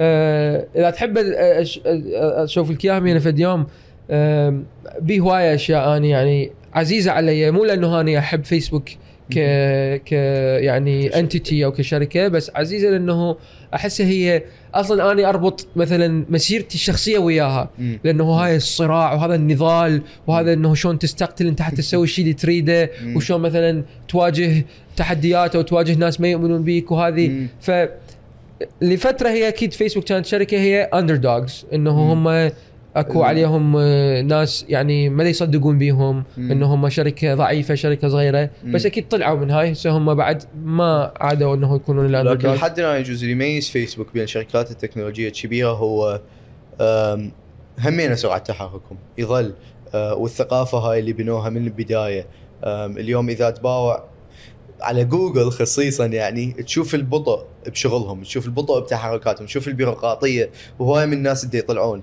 أمازون إلى حدود معينة يجوز ال- ال- البيئة toxic أكثر. أه، أنا أفلش كل ال opportunities عندك مستقبلية. لكن فعليا ال culture اللي بفيسبوك والثقافة اللي انبنت هناك لحد الآن تحفز هواي من الشغلات اللي تصير وتحفز هواي من المنتجات اللي تطلع يميزها عن هواي من الشركات. يعني بذيك الفترة. أه، هو شو كان بيه هذا أه، هسه اكو أكو شيء بهذا الكتاب يعني هو كان بالنسبة لك جذب أكثر اهتمامك إي هو هواي أكو أشياء أو الكتيب نقدر نسميه؟ إي أكو. هواي أشياء إي هو هيك كتاب صغير إيه. هو أغلبه صور يعني وقصص يعني مو هيك كتاب بيه نصوص وهاي بي مقتطفات من إيميلات مثلا مارك زكربرج دازها للشركه ب 2008 لكل. الموظفين مم. مثلا دا يذكرهم بفد شيء معين أو دا أكو صارت في مشكلة داخلية هو شلون دا يحلها وشلون دا يحكي بيها واحدة من الأشياء آخر يمكن واحدة من آخر الصفحات بهذا الكتاب تقول if we don't build the thing that kills Facebook someone else will. يس هاي. يجوز قاريها أنت في إيه، المكان؟ إيه، هاي هاي كلش هاي غميجة. إيه إيه فهذه تقول إنه إذا ما إحنا نصنع الشيء اللي راح يقضي على فيسبوك فد شخص آخر راح يصنع هذا الشيء. انستغرام كمثال. مو صنعوه بس يعني اشتروه. اشتروه، إيه. إيه. وهسه تيك توك أو اللي هي مرات أكو ناس ينتقدون فيسبوك يعتبروا فيسبوك أصلا هي متأخرة بالإبداع. وهي دائما أكو ناس يسبقون بالإبداع وهم يجيبون الإبداع اللي ناس سووه لهم ويقدرون ويقدرون هم ينجحون به. مثلا سناب شات ال story فكرة ال story وهذه. نجحت فيسبوك بها أكثر من سناب شات بالرغم هي بدت بسناب شات. فأكو يعني أكو نقد مرات بعض قرارات فيسبوك بهذا الموضوع. بس هاي يعني اشوفها هي قصة معبرة. أكو هم قصه ثانية كلش أحبها وأنا كنت ناوي أنزلها على الإنستغرام بس راح أحرقها هنا أنا. آه، لأنه رجاء أشكرك. هاي massively appreciate لأنه, لأنه هي يعني متأكد إنه آه، قصة مهمة وإذا ناس يسمعوها هنا ويسمعوا بحسابي ما يهمني. يعني المهم إنه يسمعون بيها وتكون مفيدة. اللافته اللي موجودة على مدخل فيسبوك أي. هاي أني أموت عليها. أموت أموت عليها. مو لأنه بسبب الشيء اللي موجود بوجه اللافتة. أوكي. بس بسبب الشيء اللي موجود بظهر اللافتة. مش موجود. اللي هو هذا أغلب الناس ما يعرفوا وهو هذا كلش أحبه لأنه كل الناس يمرون من يمها يشوفون مم. فيسبوك فيسبوك فيسبوك هاي كانت هي أول شيء like sign كانت محطوطة. اي بس تغيرت هسه صارت هاي ال infinite ميتا مم. sign ال logo مال ميتا مم. فهاي اللافتة مم. من تروح تباوع اللي ورا عليها. تلقى مكتوب Sun Microsystems اوه هاي قوي. هذا ال- المكان اللي بيه هسه هو مقر شركة فيسبوك الحالي. اي اللي هي أصلا إحنا نقول فيسبوك هي اسمها ميتا صار الشركة بس فيسبوك فيسبوك إيه. لأنه الناس يعرفوها أكثر. فيسبوك المقر اللي موجود بها الشركة هو كان عائد ال- الشركة سابقة اسمها سان مايكرو سيستمز سان مايكرو سيستمز هي الشركة اللي طورت لغة جافا الجافا runtime environment وهاي كانت الشركة كلش قوية بمجالها بالضبط. ومكتسحه السوق كانت شركة كلش كبيرة مم. وقوية ومؤثرة بحيث تخيل هو يعني هذا المقر مال فيسبوك اللي هو كلش كبير يعني بالنسبة للشركات يعني قليل من الشركات اللي عندهم آه، مقر بهذا الحجم مم. كان هو مالتهم هذا. وهذا كانت اللافته مالتهم أي. وهذا ال- ال- اللوجو مالتهم والمدخل وما أدري شنو. ف آه، بعدين سان شنو صار بيها؟ سان اشترتها اوراكل. وهسه نوعا ما هي اختفت آثار سان مايكرو سيستمز. وأكو ناس يعني حسب ويا من تحكي أكو ناس يعتبرون إنه هي شركة فشلت. وأكو ناس يعتبروها نجحت اشترتها بس امتصت هذيك الشركة واختفت تلاشت آه، من ضمن شركة اوراكل أي بس هي بالحالتين يعني وقفت ابتكارها خلينا. نقول أو وقفت عطائها بالمحصل اختفت من الوجود إيه. كشركة هي إيه. آه، سواء إنه هي آه، تلاشت ضمن شركة أوراكل اللي هي شركة لحد الآن قائمة وتعتبر شركة يعني ناجحة. بس كسان مايكرو سيستمز هي آه، اختفت من الوجود وما حد يعرف بها بعد. وهسه يمكن أغلب الناس اللي آه، دا يستخدمون جافا حتى هم ما يدرون إنه ما كانت سان مايكرو سيستمز مسؤوله عنها. بس ال ال ال العبرة من. هاي ال- إيه. ال- القضية. أني أنا أفهمها بطريقة وهي هم لها مغزى ثاني اثنيناتهم ممكن بهن بهن مغزى. واحدة منها إنه فيسبوك من يجا وب هذا المكان قال لك إحنا شكو بدنا نشتري لافتة جديدة هي هاي اللافتة نقلبها على القفة ونحط اللوجو مالتنا ومع السلامة ما. نحتاج إحنا نصرف فلوس بالرغم ما كان عندهم فلوس هي مو شركة إيه. فقيرة إيه. بس هي الشركة البراغماتية مالتهم بالضبط الشركة عملية مم. وهي هاي جزء من ثقافة الشركة هي the hacker way إنه إحنا الشغلات ناخذها نحورها ونسويها لمصلحتنا. أو شلون نسميها؟ نلزقها مو نلزقها اي بطريقة أحسن. اي يعني نحورها هو العراقي إيه. مشهور دائما نقول العراقيين مشهورين بالتحوير إنه يحورون الاشياء هي مثلا آه، ماكينة مال لحيم يحولها لمولده هي مثلا مثلا فرن مال مال مال أكل يحولها إلى يسوي بيه تعقيم مال أدوات ما أدري شنو. يعني تحوير هاي السوالف مال التحوير إحنا إيه. مشهورين بيها. فأنا أحبها كلش. لذلك أنا أقول لك من شركة فيسبوك يعني من أنا دخلت بيها كنت ألقى مرات نفسي بيها وبثقافتها وبتراثها وبتاريخها بسبب بعض هاي الأشياء. أنا أشوف هاي سوالف مال العراقيين مال انت لافته تاخذها وتقلبها على البطانه وت... وتغير وتحط الاسم الجديد. وانت ما تريد تشتري لافته جديدة لأنه شكو مشتري لافته جديدة ما تسوى. أكو ناس يقولوا يشوفوها فقريات أنا أشوفها هاي عمليات. أنت تكون عملي. فهذا واحدة من ال- الاحتمالات. الاحتمالات مال هاي القصة أو العبر اللي موجودة بهاي القصة. وأكو جزء ثاني يقولوها إنه هي عدنا رادوا يبقون فالتذكار إنه إحنا لازم دائما نكون مبدعين وإلا يكون مصيرنا مصير هاي الشركة إنه مم. يبقى بس بقايا من عندنا على قفه مال لافتة مم. إذا إحنا ما استمرنا بالإبداع وحافظنا على إنه نواكب ويا التطور والتغيير فهي بقت إنه إحنا هسه بمكان هذا كان هذا المكان ماليته واحدة من العمالقة في يوم من الأيام بس هاي العمالقة هسه مختفية. فاحنا حتى ما نصير مثل هاي هسه إحنا واحدة من العمالقة بعد خمس أو عشر سنين إحنا راح نختفي. نبقي هذا التذكار موجود نباوع عليه حتى يذكرنا إنه دائما نبدع ونواكب التطور. فهاي عبرة ثانية ممكن هم يعني. أنا العبرة الأولى أت أكنك وياها أكثر من هاي الثانية بس إن اثنيناتهم ممكن يكون بيهن فد قيمة. شنو تشوف ميز الشغل بالنسبة لك؟ عدا هسه انه تقدر تسافر. بس كبيئة كشغل ك هواي أشياء هي أنا ذكرت لك إنه ال- المرونة اللي موجودة عند عند الشخص آه، ال شلون يقولها ال tolerance تقبل. تقبل أو ال- ال- الانفتاح. ال- اي الانفتاح والتحمل للأخطاء آه، أو شلون مو مو بس مسألة tolerance لأنه يمكن أكو أخطاء إحنا المفروض ما نتقبلها بس يمكن آه، فلسفة التعلم من الأخطاء مم. آه، يعني أنت مو بالشركة إنه مو مثلا آه، كل الأخطاء هي مغفورة أو يغفروا لك إياها أكو أخطاء. لا إذا. أخطأتها أنت خلاص تطلع مم. بس هوايه أخطاء كانت يبدو إنه هي ممكن واحد ينطرد بسببها لو كانت مم. ثقافة الشركة منغلقة إيه. بس هي بالعكس تحولت إلى فرص نتعلم من عندها وأصبحت تيمات كاملة تنشأ و... و... وعملية يعني مشاريع تنطلق من سبب أخطاء. مم. مثل؟ مثلا آه فد يوم من الأيام أكو أكو كانت فد حدث تاريخي هم يعني بتاريخ فيسبوك إنه أكو فد شخص تذكرون خو أنتم هاي كنا نتذكرها قبل سنة مم. فيسبوك وقع. اي وقع إيه. ال ال مو بس فيسبوك وقع الدنيا كلها وقعت. اي حتى الإنترنت قام يعلق لأنه كل الناس تحولت على التليجرام وعلى المدري إيه. شنو وكانت بدها تتحمل. كان خطأ بشري هذا أتصور. اي اي كان خطأ بشري اي ف ف فكان اكو خطأ مشابه أنا هذا الخطأ ما تابعت شنو صار وراه بس اكو خطأ مشابه صار قبل كم سنة هم يعني. فيسبوك وقعت مو يجوز وقعة بنفس المستوى لأنه هاي كانت أول مرة تصير هاي اللي صارت العام أو قبل. إي أي. قبل سنة ونص تقريبا بس هم يعني وقعت وقعة قوية وبوقت كلش مهم كان هذا ال Black Friday. آه، اللي هو تصير به هوايه مبيعات ويصير به هوايه اعلانات. فالشركة تطلع هواية فلوس أثناء هذا الوقت مم. و آه، ووقعت ال server ات مال الشركة والخسائر بالملي بالمليارات يمكن والله بالمليونات ما أعرف إيش قد بس خسائر هائلة. ف... فشنقول الموظف اللي يسوي هيك فنتخيل إنه هذا الموظف اللي سوى هذا الخطأ هي أنا رحت أتبع كانت أكو documentation عميقة إنهم موثقين هذا الخطأ كلش مم. وشنو وش وقت وكل دقيقة بدقيقة شلون. بدأ شلون صار مم. شنو سوى منو سوى شنو منو فرحت أتبع لقيت سطر كود سطر واحد اللي تغيير بسطر واحد اللي هو سبب هاي الأحداث كلها أدت إلى أنه ال server ات توقع فقلت هذا الشخص أنت كل كود من كتب كل تغيير بالكود تشوف منو كاتبه فرحت دا أشوف هذا الموظف اللي هو كاتب هذا الكود. قلت أكيد مطرود مستحيل يكون بعده.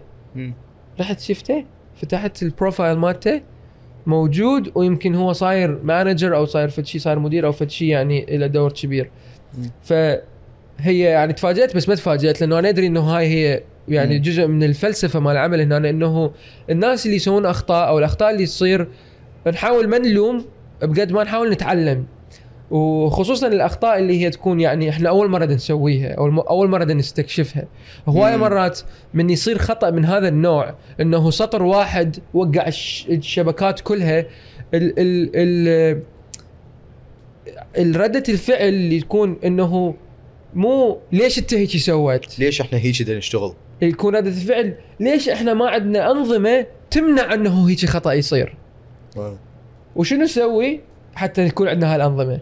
فمن هاي إنه تطلع كوما أفكار وكوما مشاريع وتتأسس فرق إنه خلينا نسوي نظام يمنع إنه انت هاي الشبكات ومدري شنو هيك وهيك وهيك. خلينا نسوي artificial intelligence ذكاء اصطناعي يتابع المدري شنو. في حيث إذا صار خطأ هيك راسا يسوي alarming مدري شنو. هاي الشغلة أنا همين أتذكر. أكو فد شيء مشابه شخصي لي كان. كانت عندي آه، تليفون الشركة يعطوك تليفون. ش- تستخدمه أنت. عود إنه لأنه حتى كل التطبيقات وهذا حتى ما أنت تشتري تليفونك الشخصي. أنت يجيك تليفون مال شغل تشتغل به وهذا به خط طبعا.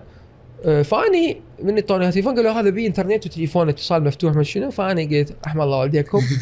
بوقتها سافرت جيت للعراق دق مكالمات. أي والله جيت مو العراق جيت للأردن. أهلي كانوا عايشين بالأردن. واجيت الأردن دا ازور أهلي. أمي تريد تخابر ببيتي بالعراق. يما جيب التليفون دق مكالمات. أم الساعة والساعتين اي يما مفتوح خابري. كل اتصالات ما أدري شنو. أنا ما عبالي من هاي شو شنو خدمة عالمية عندهم ما أدري شنو دافعين.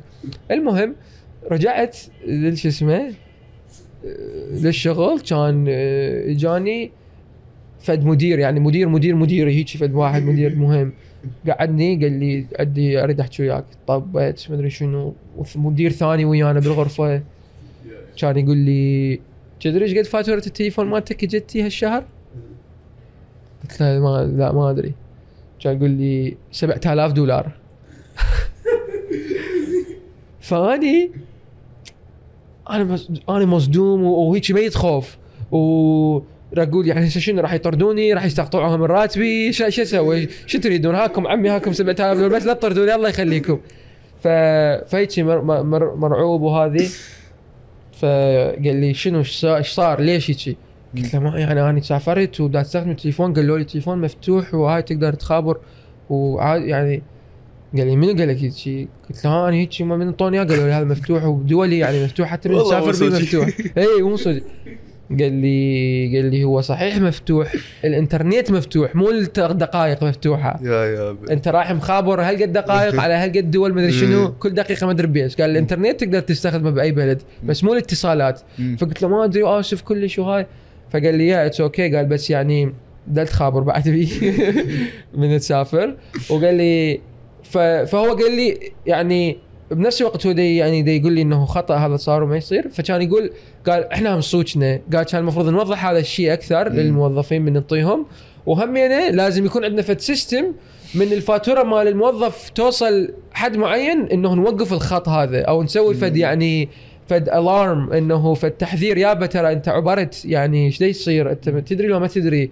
فلازم إنه هاي المشكلة نتجنبها. فقال يعني راح نحط فد شيء ونتفق ويا شركة الاتصال إنه يحطون هيك شيء. فالمهم هذا فد مثال شخصي يعني على هاي المشكلة. يبين لك طريقة العمل بهيك مؤسسة صحيح؟ بالضبط.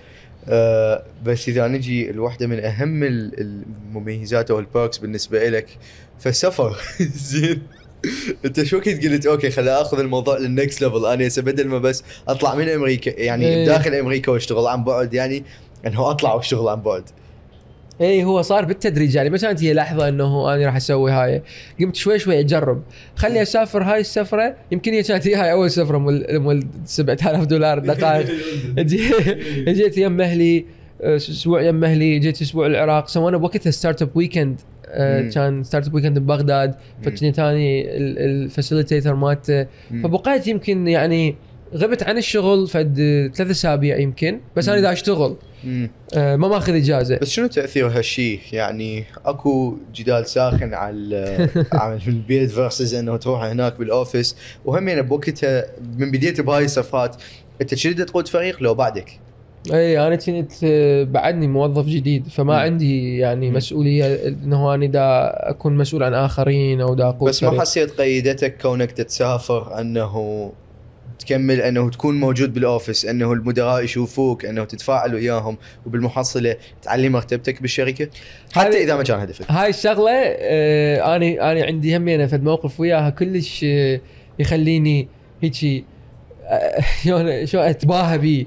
ويا واحد من الموظفين أنا أكو كان أكو واحد من المدراء يعني مدراء الكلش senior. كان يسولف وياي قال لي أنت إذا تبقى على هالوضعية هاي ما راح تترفع. قال لي يعني أنت شلون شايف من مثلا تحكي ويا أبوك؟ يقول لك ابني أنت إذا تبقى تتفرج كرتون ما راح يصير براسك خير. وأنت تبقى تتفرج كرتون وتصير إنسان ناجح. انت إذا تبقى على هاي البودكاست مالتك والكاميرات كل شيء ما راح تطلع بعدين البودكاست مالتك يوصل للعالمية. ف ف ف فهو قال لي قال لي أنت إذا تبقى على هاي السوالف وتشتغل ريموت وسفر ما شنو قال لي اكو اكو حد اقصى من ال... يعني ممكن تترفع مرتبة. بس ما راح تترفع أكثر من هاي مم. هالحكي قال لي إياه بال 2014 ف أنا من واحد يقول لي أكو شغلة ما تقدر تسويها بعد بالزاير تقدر تسويها أقول له شو ألا أسويها وأرد أشوفك وهو هذا يعني أقول لك هذا مو شخص إنه مبتدئ أو إنه هو ما يدري شخص senior يعني هو بوقتها كان صار له يجوز فد ست سنين بفيسبوك من إيش قد ومحترم كلش ويعني عنده خبرة هواية ومن شنو. فبال 2014 كانت هاي ثقافة ال remote work مو مو مثل هسه يعني كوفيد قلب الموازين تماما. صح؟ وحتى شركة مثل فيسبوك كانت ما مقتنعة بال remote work إلى يعني ك full time remote work. كانوا يعطوك إنه روح سافر وارجع روح مدري شنو بس أنت تجي لل office أنت مقرك ال office وتداوم به وهذا هو ال- ال- مالتك القاعدة الأساسية مو رايح من البيت تشتغل 90% من الوقت أو رايح مدري وين ف- فهو كان يقول لي ما راح تقدر تدبرها. فقلت له دخلنا نشوف. فأنا يعني ضليت أترفع لحد ما وصلت للمستوى اللي أنا أريده وهو كان هذا يعني كان هو يقول لي ما راح تقدر توصل لهذا المستوى. شلون؟ يعني آه، أنا مدى أشوفك بال office مدى أتذكرك ما تبقى على بالي. يجوز إذا أفتح Slack يعني okay أشوفك بالمسجات يعني وانت موجود. لكن لا دا أكسب ثقتك لا دا أحس إنه أنت موجود.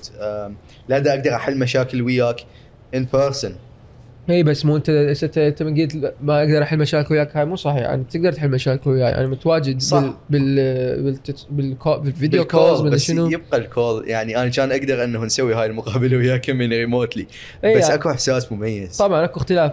وهم يعني بالمناسبة أنا من أقول ريموت أنا كنت أروح يعني آه يعني مو تماما مختفي يعني. أنا أتواجد يعني الناس يشوفني. ويعرفوني.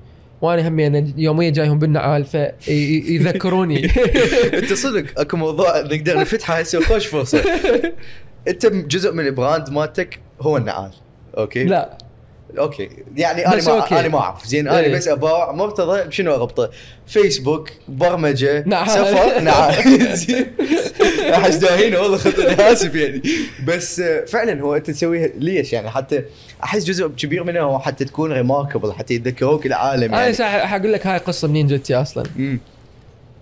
أنا رجال أصلا هسه أنت منين أنت شايفها بالبايو مال إنستغرام مالتي مكتوبة أفتر دول العالم بالنعال صح؟ إيه. اللي هي أتصور. هاي يبدو آه إنه أني دا أريد أخليها إنه مرتضى والنعال هن اثنيناتهم فكرتين يمشن سويه بس هي بس هي بالحقيقة ما كان هذا هدفي ما كان هذا هدفي. حتى لو هو هسه يبدو إنه هو هذا هدفي. okay. آه، بس مو إنه أنا قعدت أريد أكون مختلف أريد أكون مميز. كيف تصبح مميز؟ مو بس هيجي بس خل- الناس يتذكروك. أنا اليوم يعني أتذكر مرتضى حضوره مميز لأن يجيني وكل مرة تصير موقف يعني. اليوم تسألني أنا أقدر أفوت الهاي في زين. يعني يتذكروك العالم. بس هذا مو هدفي صراحة وهذا الشيء الناس يعني يتصورون إنه أنا دا اكون دا أكون كلاوتشي من اقوله لأنه يبدو إنه لعد اذا ما تريد الناس تتذكرك والنعال شكو تلبس نعال؟ يعني هو بس هو أنا أريد أنت تلبس مناظر. هل أنت معناتها من تلبس مناظر معناتها تريد الناس تتذكرك أنت تلبس مناظر؟ يجوز.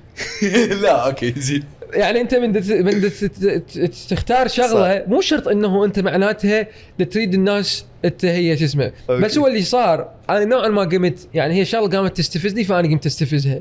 فهي فهي هي صارت هي هاي السالفة شوية. أني قبل الإنستغرام وقبل العراق وقبل الفكرة space وقبل الدنيا من كنت أني عمري 12 سنة.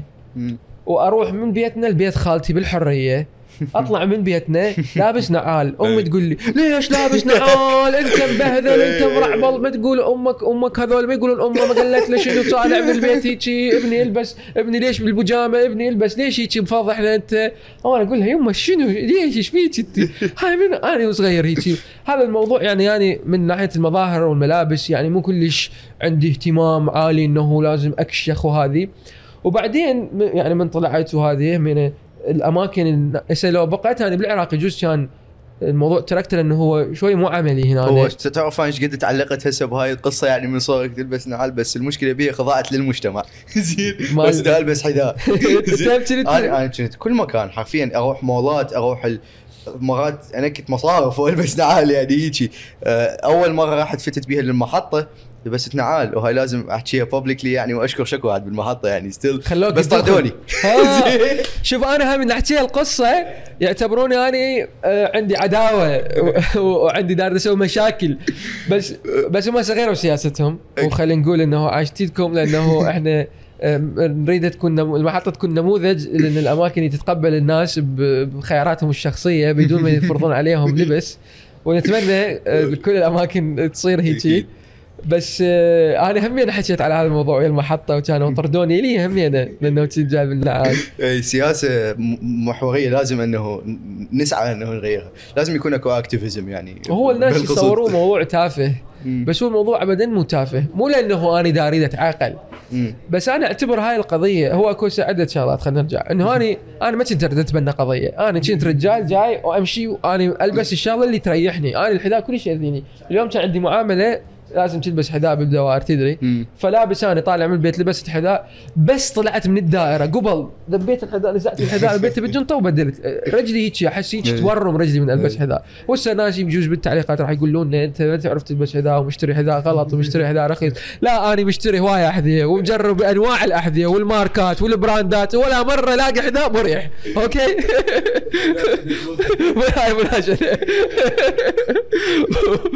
وهيك من من أبدل من الحذاء لا هيك أرتاح هيك أحس تحررت.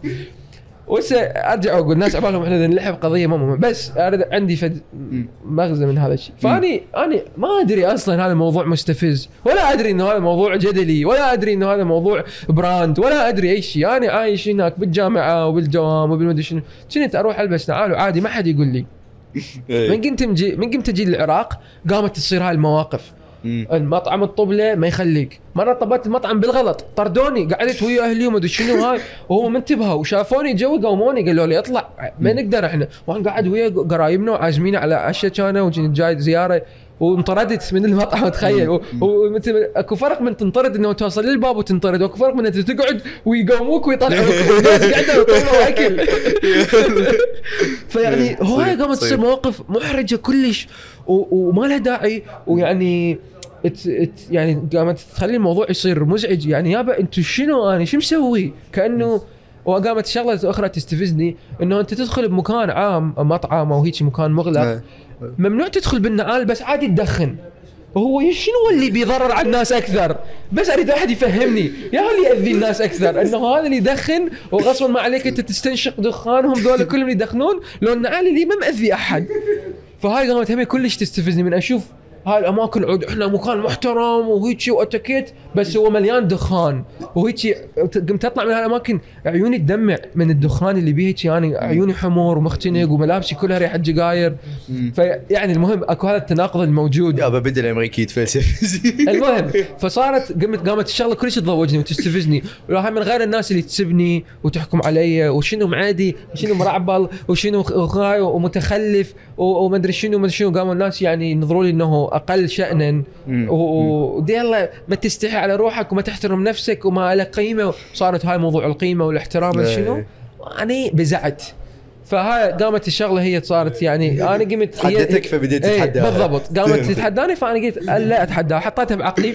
بس هي هي يعني مو بس هي محصورة بهذا موضوع النعال. أنا قمت أستكشف إنه مثلا هواي اماكن تجي مريه لابسة عباية ما يخلوها تدخل. مم. ممنوع. عباية هاي أنت مكان إحنا مال المحترمين. مم. لو مم. أماكن أخرى البنية اللي ما لابسة حجاب ما تدخل. يابا عوف العالم خد تلبس. اللي تريد تلبس عباية خد تلبس عباية. واللي تريد تلبس حجاب خد تلبس حجاب. فهي هاي القضية يعني أكبر من إنه بس نعال. تخص إنه إحنا شلون نقيم الناس ونحجمهم حسب ملابسهم ومظاهرهم وحسب ال ال الخيارات الشخصية اللي هم يختاروها مم. فهي أصبحت بالنسبة لي هذا موضوع النعال رمز للمشكلة اللي موجودة بالمجتمع إنه إحنا ما عندنا تقبل وما عندنا احترام الحريات الآخرين إحنا قبل ما نفوت بهالنقاش العميق كنا نحكي على الشغل عن بعد إيه. آه شلون وصلت من موظف خلينا نقول ليفلك إنت ما تدير أحد إلى أنه تقود فريق خلال تواجدك أغلب الوقت خارج ال office. آه، لو إيه. هل كان هذا الحال أصلا؟ sorry عيد السؤال sorry يعني شلون قدرت توصل من كونك موظف إلى قيادة فريق آه، وبخ- بفتره كنت خلال أغلبيتها مو بال office؟ هو هو وهل أنا كنت أغلبيتها مو بال office؟ لو كنت جزء كبير منها. آه هو أول شيء يعني أنا صراحة واحدة من الأشياء اللي تجنبتها هواية بعملي هو آه موضوع قيادة فريق. داخل المشاريع لأنه كنت أعرف أنه إذا أريد أقود فريق لازم آه، يكون يعني ال- الشغل راح يطلب مني أكثر راح يطلب مني وجود بالأوفيس أكثر راح يطلب مني ساعات أكثر. وأنا كنت أريد أنا أصلا قلت للمدير وصلت مرحلة قلت للمديري أنا بعد ما أريدك ترفعني حتى لو أنا مؤهل للترفيع لا ترفعني. لأنه الترفيع معناته من تترفع معناته مسؤولياتك تكبر أي. توقعات اللي عليك تكبر هل كنت راضي بهذا الراتب المعين إيه. وبهاي البيئة المعينة؟ أنا أصلا كنت أعتبر راتبي زايد عن اللزوم يعني أنا كنت دائما أقول ولحد الان أقولها إنه إحنا رواتبنا المبرمجين بهاي الشركات رواتب مفرطة يعني شنو إيش دعوة دا يعطون العالم هالقد. ويعني أكو عالم كومو تشتغل وتتعب أكثر من المبرمج. مم. ليش رواتب المعلم؟ إيش قد يتعب المعلم؟ وإيش قد عنده مسؤولية؟ وإيش قد عنده آه، دور آه، مهم بالمجتمع؟ راتبه جزء من هاي الرواتب. ف... أنت level حتى الناس تدقك بجوجل يعني. أني آه، آه، وصلت هو ال level اللي توقفت عنده. وإحنا نبدي level 3 آه، بفيسبوك هذا اللي تبدي بال... من انت هسه وقت متخرج من الجامعة.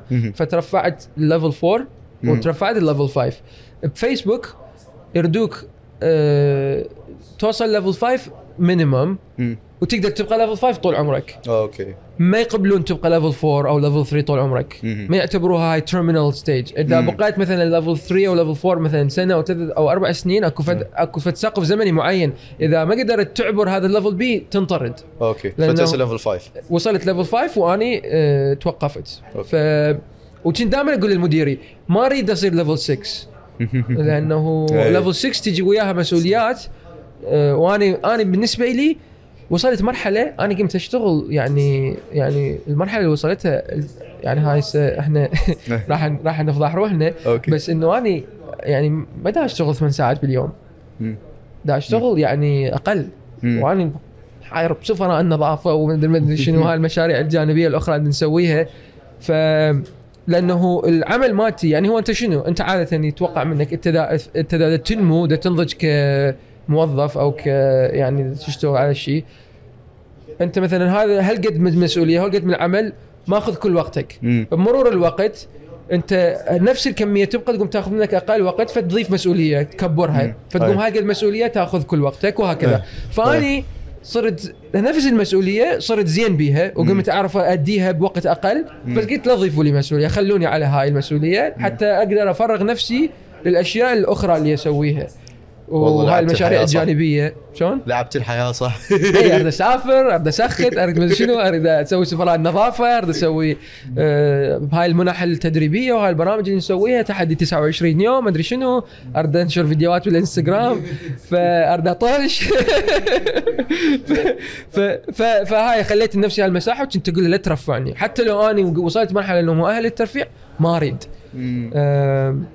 وهو ضمن من هذا هو قيادة فريق. أنا كنت اتجنب قيادة الفريق لأنه قيادة فريق معناتها تواجد أكثر معناتها مسؤولية صح. وقت أكثر فكنت اتجنبها بس همينه أت- ف- فانت هسه تقود فريق لو لا ك level 5 أنت تقول ب level 6 تبدي بهالمواضيع. ليفل 6 وه- تبدي ال leadership أني آم، آه، بعدين اللي صار هو بدي أقول لك شغلة إنه العالم كله تحول إلى ريموت. فهسه صارت يعني قبل مثلا هذا الشخص ب 2014 قال لي آه ما راح تقدر توصل level 5 هذا نفس اللي شغل ريموت على الأغلب. exactly هذا هسه هو level 7 دا يشتغل ريموت هو قال لي ما راح تقدر توصل level 5 وانت تسوي هذه سوالف الريموت فقال لي حدك level 4 ما راح تقدر. تعبر. مم. ف فالعالم كله هسه يعني حتى مديري حتى مديري مثلا هو level 6 مدري شنو ذول كلهم هم دي دا يشتغلون بريموت مم. ودا يقودون فريق ريموت. وكل شيء دا يمشي ريموت. ف ال technology مال ال video calling والتواجد هذا ال virtual presence التواجد مم. الافتراضي مدري شنو. يعني دا يخليه الناس آه، تقدر تتعامل وتشتغل هذه أكثر بس يبقى مثلا إحنا هسه هسه أشياء تتغير هواي بفيسبوك إنه مثلا كانت أي. إنه تتسافر عادي هواية وتلتقي بالفريق مالتك وما أدري شنو هسه باجت كاتش كلها نعم. ماكو ممنوع بس للضرورة وما أدري شنو مم. مم. تغيير دا يصير بالسيليكون فالي بشكل عام وجزء بالعالم أصلا اي أكو ركود قد يكون يعني فهواي من الشركات تفكر okay خلينا نقلل الصرف مالتنا خلينا نحدد هواي من الشركات هسه أصلا تجيب موظفين يرجعوهم يعني لل office أكثر من أي شيء بس قبل هاي ال ال ال ال ال الرؤية البائسة شوية السنين السابقة هواي قدرت تسافر بيها إي آه، أول شيء ليش تسافر؟ آه، شنو القيمة اللي واحد يحصلها من السفر؟ okay جربت الاكله الجديدة وتعرفت على الرقصة الشعبية مال هاي الدولة بس يعني هل قيمه تنضاف لك فعلا كشخص من تسافر؟ وهمينة شنو أكثر تجارب تتذكرها من تسافر؟ إي هذا موضوع حلقة كاملة نحكي به إذا تريد. أنا ما أدري إيش قد راح عدنا تطلع عدنا عدنا خوش وقت ال- بالنسبة لي السفر قام يصير هو يعني هو أنا أعتبر حياتي هواية منها إنه أنا الأشياء الصعبه أتعلم منها. وبما إنه أنا عراقي وأحمل جواز عراقي فالسفر صعب علي. فإذا أنا راح اسويه وراح أتعلم من عنده وراح أتحدى هذا السيستم. فهي بدت وطبعا بس انت أكو ما بيه- متجنس كنت؟ أنا أنا ما ما أستخدم غير جواز. بس أنت متجنس. أنا ما عندي غير جواز بس الجواز العراقي اسافر به ما عندي الجنسيه لا. ها. صدق؟ صار لك إيش قد بأمريكا؟ صار لي من 2008 بس أنا يعني ما لأنه هو تحت تحصل جنسيه لازم تتواجد بالبلد. وما ما ما بقيت الفترة الكافية. إنه تحصل الجنسية. أنت هاي القصة إذا ما ما عارفه فأنت يعني طلعت ما تعرف كل شيء عني. أي أنا ما أعرف كل شيء عنك لأنه أنا هي قصتي كلها إنه أنا أريد أسافر دول العالم بالجواز العراقي. لا لا وصلت حلو. بدون جنسية أخرى. بدون جنسية أخرى صحيح. بس أنت عندك فرصة إنه تحصل جنسية أنا ثانية. أنا أقدر أحصلها أقدر أقدم عليها ما أدري شنو هذه. آه، هو أصلا هي حتى تحصلها لازم تبقى. okay. بالبلد. yes. وأنا كنت مدى أبقى بما فيه الكفاية. okay. آه، بس هي كانت الفكرة إنه يش ليش مدى أبقى؟ اي يعني هذا مو قرار شوية صبياني. إنه أهلك ما فكروا يعني قالوا يا معود إيش تسوي بروحك أنت؟ هو أنا فكرت هواي بهالموضوع هو بس ب- ب- حتى أكون صريح همينه.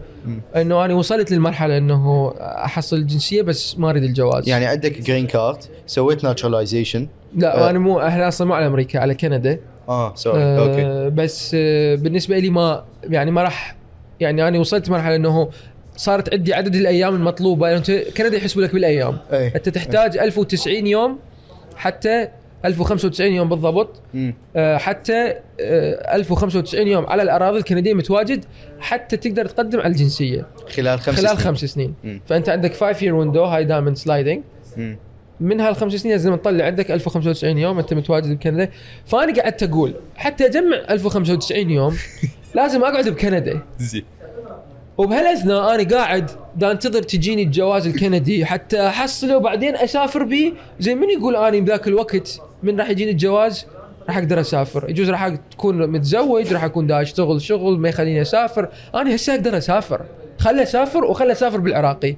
وهذا الجواز عود أو الجنسية. أنا أصلا ما أريد يعني ما أريد حتى لو أحصلها كنت ماخذ على نفسي آه، وعد إنه ما أستخدمها للسفر. وصلت. حلو. أنا هاي الجنسية يعني هي أنا مو كلش ساذج أو شنو قلت أنت؟ صبياني. كلمه مو, معقدة. مو صبياني لدرجة إنه إنه أنا عندي الفرصة أحصل بس ما بس أنا مخليها لاحتمال واحد. أي. شنو هو؟ في يوم من الأيام أنا راح انحبس بدولة أفريقية. وراح الحكومة الأفريقية يذبوني بالسجن ويشققون جوازي. أحدري بروحي إذا اخابر السفارة العراقية أقول لهم تعالوا طلعوني يقولوا لي أخذوه. فراح أخابر أقول لهم حبايب أنا كندي. جيبوا لي السفارة الكندية خلي يطلعوني بهليكوبتر يرجعوني لكندا بذاك الوقت يرجعوني. هاي هذا الموقف الوحيد اللي أنا أريد أستخدم به الجنسية. وإن شاء الله ما يصير بس إذا صار هو هذا راح أستخدمه. إذا يعني هو خذتها وهذه راح راح أستخدمه هو ك آه، يعني سيفتي نت بأسوأ الاحتمالات. مم. لأنه أنا أسافر بطريقة كلش مجازفة. فمو بعيد إنه أنا في يوم من الأيام بدوله أفريقية. صح أوكي. الصلاحيات اللي ما عندك أنت كمواطن هو التصويت والجواز. الاثنين الاثنين الجواز أصلا يعني أصلا إذا تحصل جنسية شوية تأذي من ال brand مالتك يعني كونك عراقي يجي واحد يقول آه ذا كندي. إيه. فزين والله خوش اختيار. هو. يعني هي أصلا يعني القصة هاي مال السفر أصبحت عن إنه هو تحطيم هذه القيود. آم، اللي هي أنا يعني هم هذا شوي موضوع إي يلا. سياسي نوعا ما خلينا نحكي آه، به okay. مو سياسي من ناحية سياسي مال العراق إي. بس سياسي من ناحية global politics آه، مو, مو. مو مو سياسي. مو. مو سياسي أحزاب okay، اسمه مال العراق. إنه اني هسه وصلت لمرحله إنه ما أعترف بالدول. ما أعترف أكو شيء اسمه دولة. إيه ما اعترف بالعلم ما اعترف بال بال لأنه هو هي شنو الدولة؟ هي الدولة عبارة عن حدود سياسية عندها نشيد وطني وعندها جواز وعندها علم وعندها جيش. وعندها آه، وزارات وعندها من شنو أنا كلها ما اعترف فيها أنا اعترف إنه إحنا كوكب واحد كنا عايشين بنفس هذا الكوكب وإحنا كنا بشر وكنا متشابهين ومتساويين وكنا نفس الشيء هاي الأمور انحطت. ح- طبعا أنت أستاذ تقطع هذا الحكي مالتي وتنشره تسوي لي مشكلة كبيرة كلش لا لا إحنا خوش ولد والله فلا تقطع لا لا. خوش ولد إذا راح تقول أنا ما أعترف بالدول لا لا, لا أنت. تعترف بالدول بس هي الحدود اللي تنحط للدول أنت ما مؤمن بهاي النظرية إيه إنه يقدرون ناس آه، بريطانيين وأمريكيين يتجمعون يسوون سايكس بيكو ويقسمون دول أو يعني غيرها اي؟ بالضبط حتى هاي الأمور بشكل سياسي حتى يعني. هاي الأمور يعني هو أنت مجرد يعني شنو هي الحدود؟ هي الحدود آه إنه تخلي الناس يقولون هذول الناس مالاتي وهذول الناس مو مالاتي مم. فهذول يعني حتى شايف مثلا من يجي رئيس الدولة الفلانية I would like to defend my people زين شنو هذول ناسي مالاتي هذول هذول مالتي أنا مسويهم. إيه. يعني شنو الفكرة اشوفها صارت سخيفة من أسمع مثلا. رئيس دولة يدافع عن ناسه my people ناسي؟ شنو يعني ناسي؟ هم كلهم ناس هم كلهم بشر كلهم إنسان نفس الإنسان هم. شلون هذول إنسان؟ أنا أريد أجيب لهذا الإنسان تأمين صحي أكثر من هذاك الإنسان. أنا هذا أريد أجيب له تعليم أكثر من هذاك الإنسان. أنا أريد أجيب له آه، أسلحة وجيوش أكثر وصواريخ وما أدري شنو. أشوفها شغلة مقرفة إنه أنت إذا تنولد بهاي البقعة الجغرافية تضمن لنفسك حقوق معينة تضمن نفسك ضمان آه، اجتماعي تضمن آه، صحة تضمن تعليم تضمن إنه دولتك ممكن تنقذك من مأزق. مجرد إنه أنت انولدت بهاي البقعة بس إذا انولدت بهاي البقعة أنت كل شيء متحصل. هذا الشيء شوفه شيء تافه كلش. ويعني ما أدري شلون البشرية كلها مقتنعة بهذا الموضوع. شلون متقبليه؟ بالرغم إنه هم إذا هم أغلب البقيه البشرية هم متضررين من هذا. الناس اللي هم مستفيدين هم الأقليات اللي عايشين بالدول المتطورة مم. بس الناس اللي عايشة بالدول المتضررة هم أغلبية الشعوب مم. ف فهاي صح. الحدود والدول والجيوش والجوازات هي أنظمة وضعت حتى الدول القوية والدول المستقرة تبعد وتحجب تحجب هذول الناس اللي بدول طايح حظها من عندهم حتى إحنا دولنا تبقى حلوة وجميلة ومرتبة وأنتم أبقوا وأنا أشوف هذا الشيء نفسه دا يريد يصير هسه هنا إنه الناس والله الناس اللي يجون من المدينة خليهم بالمدينة ولا يجون هنا ال- ال- الهايه الجزء هذا بغداد حلوة مرتبة. خليهم. شرق القناة وغرب القناة وما أدري شنو. تحية شرق القناة. تصير تصير تقسيمات تصير حدود من ضمن نفس المدينة. إيه. تتقسم إيه. المدينة. إيه. إنه أنت من ذيك الجهة أنت عبر الجسر لو قبل الجسر. ف فانا اي شيء بيه تقسيم؟ أنا ضده وهمين صوره مكئبه يعني مك مكئبه آه أنه إذا تطلع من بطن أمك بمكان معين آه لازم تسوي ثلاث فيز إلى أن توصل للمكان بالضبط. وإذا تطلع بطن أمك بمكان معين لا بالضبط. عادي أي مكان تفوت له بالجواز بالضبط. أنا نفسي أنا نفسي لو أمي كانت بالصدفة لم- لمدة ساعات لمدة ساعات هي متواجدة بالأراضي الأمريكية كان أنا أمريكي. إيه. هاي شنو معناتها؟ بس هاي الساعات أنا اكون أمريكي وأرجع وأعيش نفس الشخص أني وممكن أصير إرهابي ممكن أصير أي شيء ممكن أصير أي شيء بس مجرد لأنه أمي كانت متواجدة ضمن هاي ال ال الأراضي نقدر نسميه إنه تشوفه نظام arbitrary أو أسس اعتباطا إي نظام نظام هيك مزعج جدا فأنا هذه سالفة السفر والجواز وتحطيم. هي شنو هي؟ أنا لذلك أصلا تستفزني فقرة إنه ذول الناس الرحاله الأوروبيين والأمريكان اللي جايبين جوازهم الأمريكي وجوازهم الأوروبي وجوازهم الكندي ويحاولون يقولون أني وصلت دخلت جميع دول العالم برقم. قياسي شلون؟ كريستوفر كولومبوس أقول لك اي أنه أنا زرت كل دول العالم أنا أصغر شخص زار جميع دول العالم حبيبي أنت من تحتفل بأنه أنت وصلت إلى 193 دولة أنت تحتفل بوجود هاي الحدود. هاي الحدود اللي هي وضعت حتى أنت تكون قوي وذول الدول يبقون ضعفاء. أنا إنسان عراقي جاي من أسوأ آه، جواز بالعالم أريد أجي أريد أتحدى هاي الحدود اللي أنتم حطيتوها حتى ما تخلوني أجي. فأني لذلك أريد أسافر بهذا الجواز لأنه أنا إذا سافر جواز كندي أعتبرها ما بها معنى. إنه أنت زرت كل دول العالم بجواز كندي هاي ما بها معنى. هذا مجرد انت تحتفل إنه أنت من دولة مستعمرة دولة قدرت ترسم هاي الحدود وهي تسيطر عليها كلها وتكون مستقرة وتقول أني آه، مواطنيني يدخلون كل هاي الدول وهم آه، مسيطرين وذول الدول ما يدخلون لدولتي وراح أصعبها عليهم وبالعافية عليك وعشت إيدك إنه أنت من دولة مستعمرة. هذا الهدف أنه هو نوع من ال activism أو النشاط؟ طبعا طبعا هي statement بالنسبة لي هاي. تصريح اي إنه أنا دا أريد أ- يعني دا أريد أتحدى هذا النظام اللي هو شنو هذا النظام؟ يعني هو أنت من تفكر بيها آه، من واحد يحتفل بوجود من يحتفل إنه هو زار لنفترض إنه العالم بعشر دول فتقول والله هن بس عشر دول قليلات. بس إذا هن 200 دولة. أوه عدد هائل من الدول. أنا زرت عدد هائل من الدول.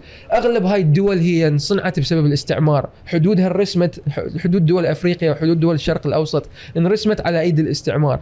فهي منو دا يحتفل؟ دا تحتفل بوجود حدود، دا تحتفل بوجود خطوط، كل ما كانت أكو خطوط أكثر كل ما أكو دول أكثر، مم. فهذا الرقم مالتك راح يزداد، صارت. مو 200 صارت 250 مم. مبروك عليك الاستعمار اللي حط هاي الخطوط كلها واللي أنت جاي تحتفل إنه أنت عبرت هاي الحدود اللي هي انحطت مو على مود أنت انحطت على مود الناس هذول اللي اللي هم من دول هاي ما يقدرون يعبروها بس أنت مم. تقدر تعبرها بكل سهولة إيه، أنت تقدر إيه. تعبرها لا يراد لك فيزا ولا يراد لك تصريح ولا يراد لك موافقة أمنية. تعال ادخل أهلا وسهلا هسه كم دولة انت لحد الآن خاتم أنت ما تؤمن بعد الدول. أنا إي أنا دا أسوي هذا الشيء تحدي لهذا النظام مو لأنه دا اريد أحتفل بهذا النظام. صح، أنا أشوف. أكو ناس هم يحتفلون بالنظام إنه أكو نظام دول قد حلو ويا ريت لو أكو دول أكثر وتقسيمات أكثر وإحنا سوينا هاي الدول وعاشتيدنا فأنا هيك أنا دا, دا أريد هيك هذا النظام دا أنا أنا غضبان من هذا النظام.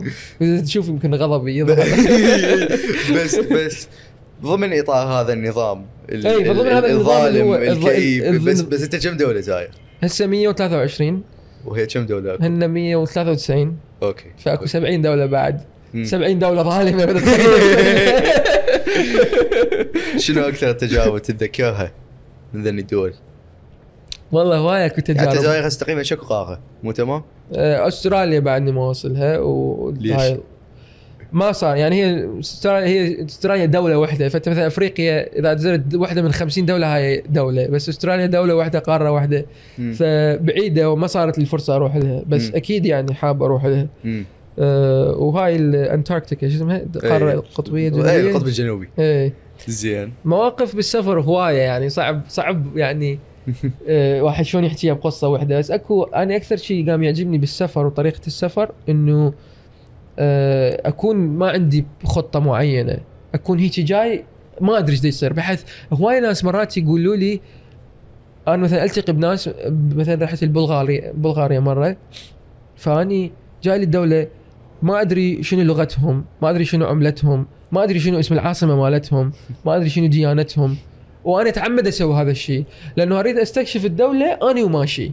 أحاول أقلل من إنه الإنترنت يسهل حياتي مم. بعض الأشياء. مم. لأنه الإنترنت يجي يعطيك كل المعلومات. اريد استكشفها مثل ما كانوا الرحالة القدامى يستكشفون هذي الأماكن. هالشيء المخاطر؟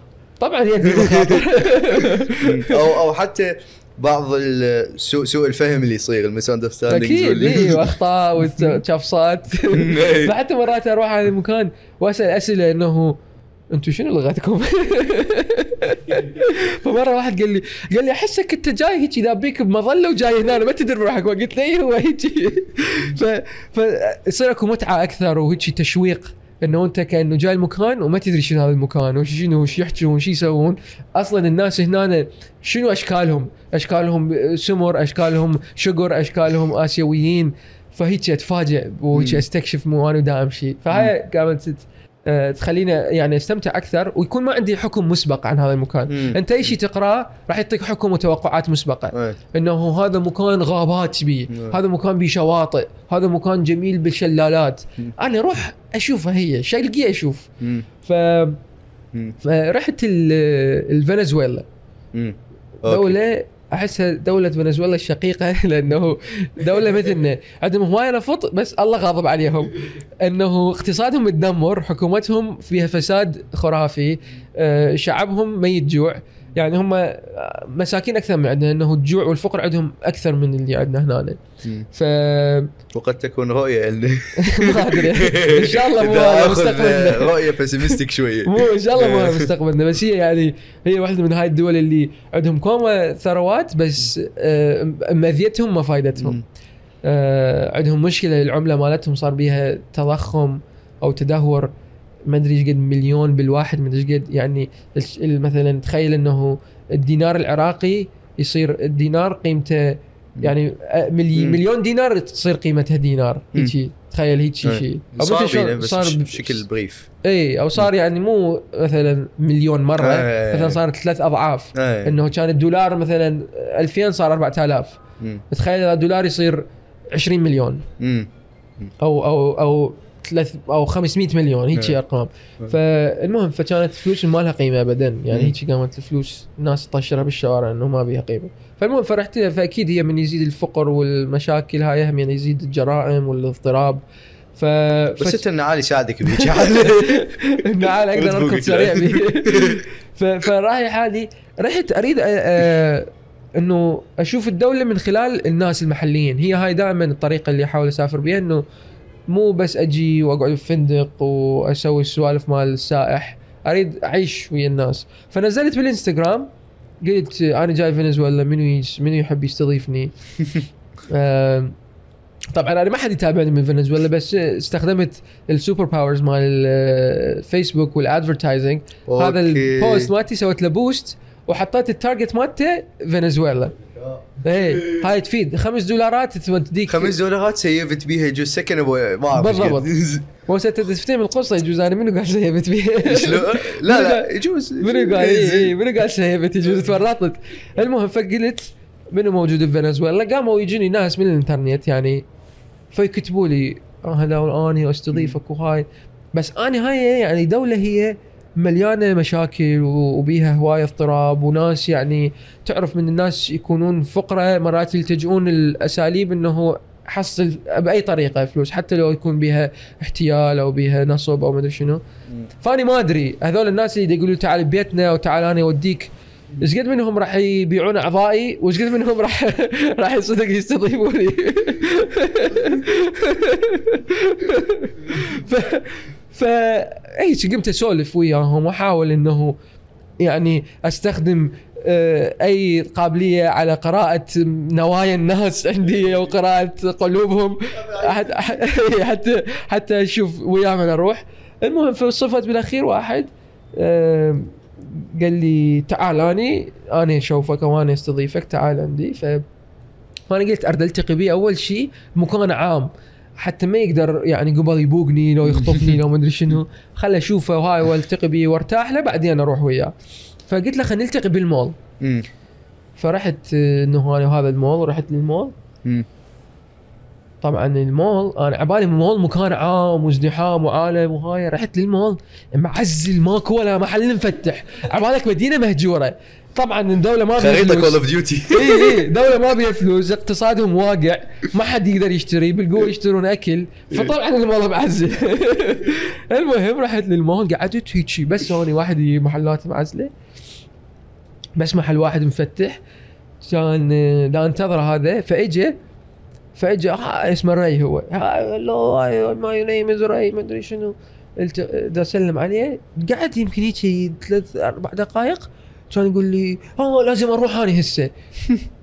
تعال وياي. خل... أنا لازم أروح عندي موعد. راح أروح بيتنا. فأنا عود أريد أريد أتعرف عليه عود هاي يعني عود ردت نقضي فد ساعه سويه إيه. إنه نتعرف وأطمئن إليه. إيه. أشو هذا ورا دقيقتين ثلاثة قال خلينا نطفر. بس أنا ما عندي غير. خيار. قلت له يلا دمشي قال أنا أهلي بيس وياي بالسيارة. فقلت يعني جايب أهله معقولة أهله وهو راح يصكوني كلهم؟ فقال أهلي وياي قلت له امشي. فرحت. صعدت بالسياره وياهم قال راح نروح لبيتنا قلت له okay. فقال عندنا ضيوف إحنا اليوم جايين يمنا وهاي. فوصلنا للبيت. بيتهم أظلم آه، فارغ بس بي يعني شموع مشغلين وغرفه هيك الصالة مالتهم. فارغة ما بيها إثاث. ما شاء الله. وبيها عالم قاعدين. قاعدين هيك بحلقة. وقدامهم رجال شايب لحيته بيضة وهيك كله شعر ابيض لابس كله أبيض. تحسه كأنه بابا نويل هيك يعني. فأني ما أدري إيش يصير. هذول إيش يسوون؟ قاعدين هيك نصف حلقة كلهم هذا الرجال كأنه يسوون في الطقوس. أنا قلت هذول شنو راح يذبحوني ويشوني هنا هذول أخاف من اكلين اللحوم. شنو إيش يسوون؟ thanks مالتهم. جايبين لكم اني فريسة اليوم. شو إيش يصير؟ ومكان هيك قلت لك بيت يعني غريب إنه ما بي أثاث وشموع حاطين شموع مطفين الضوايات فأنا أنا ما أدري إيش يصير. طبعا الانجليزي همين مو كلش يحجون إنجليزي هم وهو بدأ يعرفني على الناس وهاي. كان بعدين جر لي هاي الجودلية مال يوغا قال لي اقعد هنا إحنا نسوي يوغا.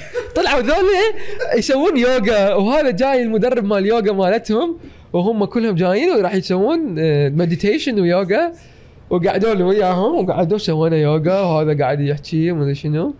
وطلعوا ناس خرافيين طبعا هم. ويعني هم ال community هذا مال تأمل ويوغا وهيك وأكل صحي كله. بس ذول شلون فايخين هاي؟ كارثة إيه. اقتصادية عندهم ذول اي موجودين. بالضبط. بس هم يعني حالتهم مو تقول إنه ناس طاقة. وهيك بذخ وهاي لا بسيطين. وحتى هو يعني قاعد يسولف لي إنه هم مثلا يأكلون بس آه، غدا أو عشاء ما يأكلون غدا وعشاء لأنه ما عندهم فلوس. فما يقدرون يأكلون اثنيناتهم. أوكي. ف بس ضيفوني يعني هم فقير يعني ناس حالتهم بسيطة بس ضيفوني وقعدوني وقال لي هذا هنا تقدر تبقى ويانا وبقيت ببيتهم و... وهيك يعني حسسوني أني واحد من العائلة. فهاي ق- يعني هاي واحدة من هواي قصص تصير آه إنه ناس هيك محليين يستضيفوك و- ويعني بالنسبة لي هاي تسوى أبو الفندق وتسوى أبو أي تجربة أخرى ممكن أنا كان سويتها بطريقة تقليدية وطريقة سياحية. شوية كان بها رعب وخرعه إيه، بس إيه. ليش ليش عندك اليوم تواجد على ال social media؟ آه أريد أطش ببساطة والله يعني هذا يمكن أكثر جملة قيلت بصراحة زين أنا فعلا أنا هواي ناس يعني يستخدموها أنت تريد الطش تدور طشة هم يستخدموها انهم يعني دا يردون يستفزوني أو دا يردون يقللون من أه، أه، أهدافي من من طموحي أو هذا. بس أنا فعلا أريد أطش لأنه أريد أكو ست هاي من تقطعها وتطلع لي. أنا فعلا أريد أطش.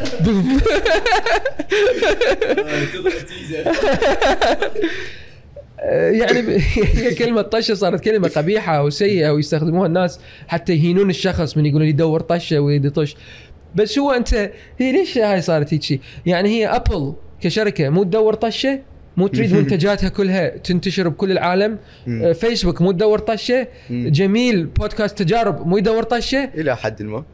كلها هي أنت أي واحد عنده فكرة هذا اللي يبيع طماطة هم يدور طشه يريد الطماطة مالته تطش يريد تنتشر يريد يبيع طماطة أكثر كمية من الطماطة اللي يبيع لبلبي. اللي آه، يسوي وصلت. مول اللي بس بالنسبة لك شنو قيمة الطشه؟ بالضبط فاحنا هنا نجي نحكي هل أنت شنو تريد تسوي بيها؟ يعني هو منطقي كلش.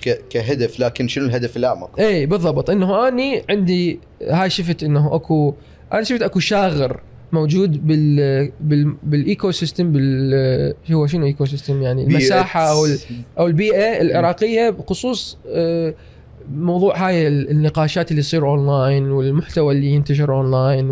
والأفكار اللي تنطلق أونلاين. يعني هواي من ال- الأشخاص المؤثرين ال influencers أو ال آه، ال- اللي هم إلهم هو ناس تعرفهم وناس تقدسهم وناس هذه. أشوفهم هواية يضللون الناس بأفكار ويشجعون على أشياء أشوفها بها ضرر؟ للمجتمع. أبسط شيء مثلا الطريقة اللي يتعاملون وياها ويا الاختلاف. أبسط شيء. okay. اللي مثلا هو هاي كلش سائدة وهاي أصلا الناس ما تتجادل عليها. إنه اللي يكتب لي تعليق ما حلو block. هاي هاي أنا هاي أشوفها واحدة من المشاكل اللي عندنا. هذا اللي تخلي الناس آه انعدام الحوار وانعدام النقاش. إنه أنا بس واحد قال لي بس واحد انتقدني block. بس واحد قال لي حكاية ما عجبتني block. بس واحد اختلف وياي بالرأي block. ف أنا كنت أصلا ناوي أسوي هذا فيديو. إيلون ماسك.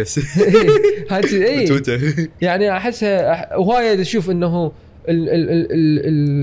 المجتمع يعني دا يتجه همينه عوفك من ال social media. المجتمع دا يتجه إنه بس شغلة تضوجني بس شغلة يعني واحد حكى شغلة يعني ما عجبتني. أسد الباب واستريح اي سد الباب بالضبط. مم. الباب اللي يجيك منه ريح سده واستريح. هذا يجوز واحد من الأمثال اللي أني يعني آه، ما أحبه أو أحب إنه أعطي وجهة نظر معاكسة له. إنه الباب اللي يجيك منه ريح خلينا نشوف هاي الريح شنو. يجوز الهواء طيب هذا. ويجوز لازم صح. نشتم من عنده شوية. صح. ف بس مو نسد كل البيبان. بالضبط مو نقعد نسدد كل البيبان اللي تجينا منها ريح ونبقى إحنا مغلق مغلقين مخنوقين بغرفة ما بيها أي هواء ما بيها أي تنفس. مم. فأنا أشوف يعني أصلا أنا أشوف إنه هذه منصات التواصل الاجتماعي هواية منها هي تشجع على التطرف. ليش؟ لأنه أنت أي حساب تشوفه ما عجبك تسوي له unfollow تسوي له block والحساب يعجبك تقوم تسوي له follow تسوي له like تسوي له شنو. يقوم يظهر أمامك المحتوى اللي يتفق ويا أفكارك ويشجع أفكارك ويضيف لك يضيف لك. أنت صح أنت صح. أنت كل شيء تقوله صح. آه أنت فكرتك هاي صح أنت صحيح هذول غلط. شوف ذولاك غلط. شوف هاي وأي واحد يتحدى أفكارك أو يستفز أفكارك قبل وخر عني وخر عني ما أريد أشوف ما أريد أشوف. شلون تترجم إيكو تشامبر ايكو تشامبر هاي غرفة الصدى مم. اللي هي ترجع لك إنه أنت أفكارك بس ترجع لك إياها وتأكد لك عليها. فهاي أصلا هي واحدة من الانتقادات الكبيرة للفيسبوك وإنستغرام وهاي المنصات إنه مم. الخوارزمية تفضل الأشياء اللي أنت تحبها والأشياء اللي أنت تتفق وياها. آه، فأنا هواي ناس يقولون إنه إنه مرتضى أنت ليش تشيل هم للناس اللي تختلف وياك بالرأي؟ وليش تشيل هم للناس اللي تغلط عليك؟ أو مو تشيل هم يعني ليش تحاول تتحاور ويا الناس اللي تغلط عليك والناس اللي تتهجم عليك؟ هم اني أصلا موجود على ال social media على مود هذول الناس. أنا الشخص اللي يتفق وياي بالرأي وعندي كل شيء إنه أنت إي أنت صحيح وأنا وياك أصلا أنا ما محتاج أني أحكي وياه. يجوز أكو فد فكرة أو اثنين جديدة ممكن أضيفها بس هو هواي أكو محتوى يقدر يحصله من غير ناس. يجوز يعني عندهم يعني هو already داخل بهاي ال- ال echo chamber شو اسمه.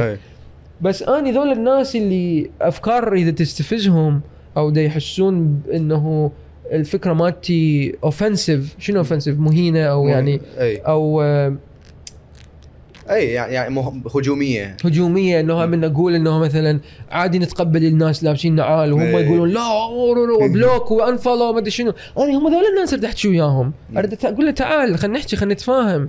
لا ت... لا تروح راسا لا. تسد الباب راسا. خلينا نسولف أكثر. أريد أسمع منك. ف... فمن أقول أريد أطش هي هاي إنه أريد أوصل لهذول الناس. إيش قد ما أقدر يكون عندي وصول أو عندي انتشار بهاي المجاميع وإنه أقدر أشاركهم أفكاري وأسمع منهم. آه ونتقرب البعض مم. بالأفكار وبالهذه.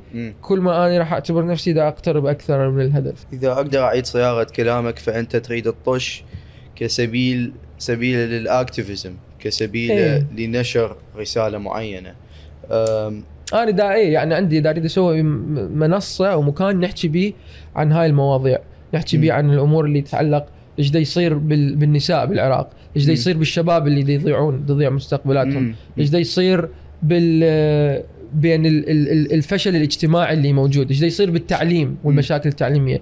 شلون الناس دا ت- دا تتوحش على بعض ودا تتطرف أكثر وأكثر ودا يصير polarization شنو ال polarization آه، تطرف. إي تطرف أو تباعد. مم. اللي هو حتى تشوفه بالمناسبه هذا الكلام يعني أنا لو كنت آه، قريب أو أشعر بانتماء أو قرب من الثقافة الغربية كان نفس نفس المشكلة المشكلة. احاول أعالجها أو احاول يعني أكون جزء من علاجها أنا ما أعتبر نفسي يعني مرتضى وحدي راح أحل مشاكل العراق. أو مشاكل العالم. يعني أنا أعتبر إنه إذا كنت موفق أنا راح يكون لي هيك نقطة ببحر. بس هاي النقطة ما أريد ما أسويها.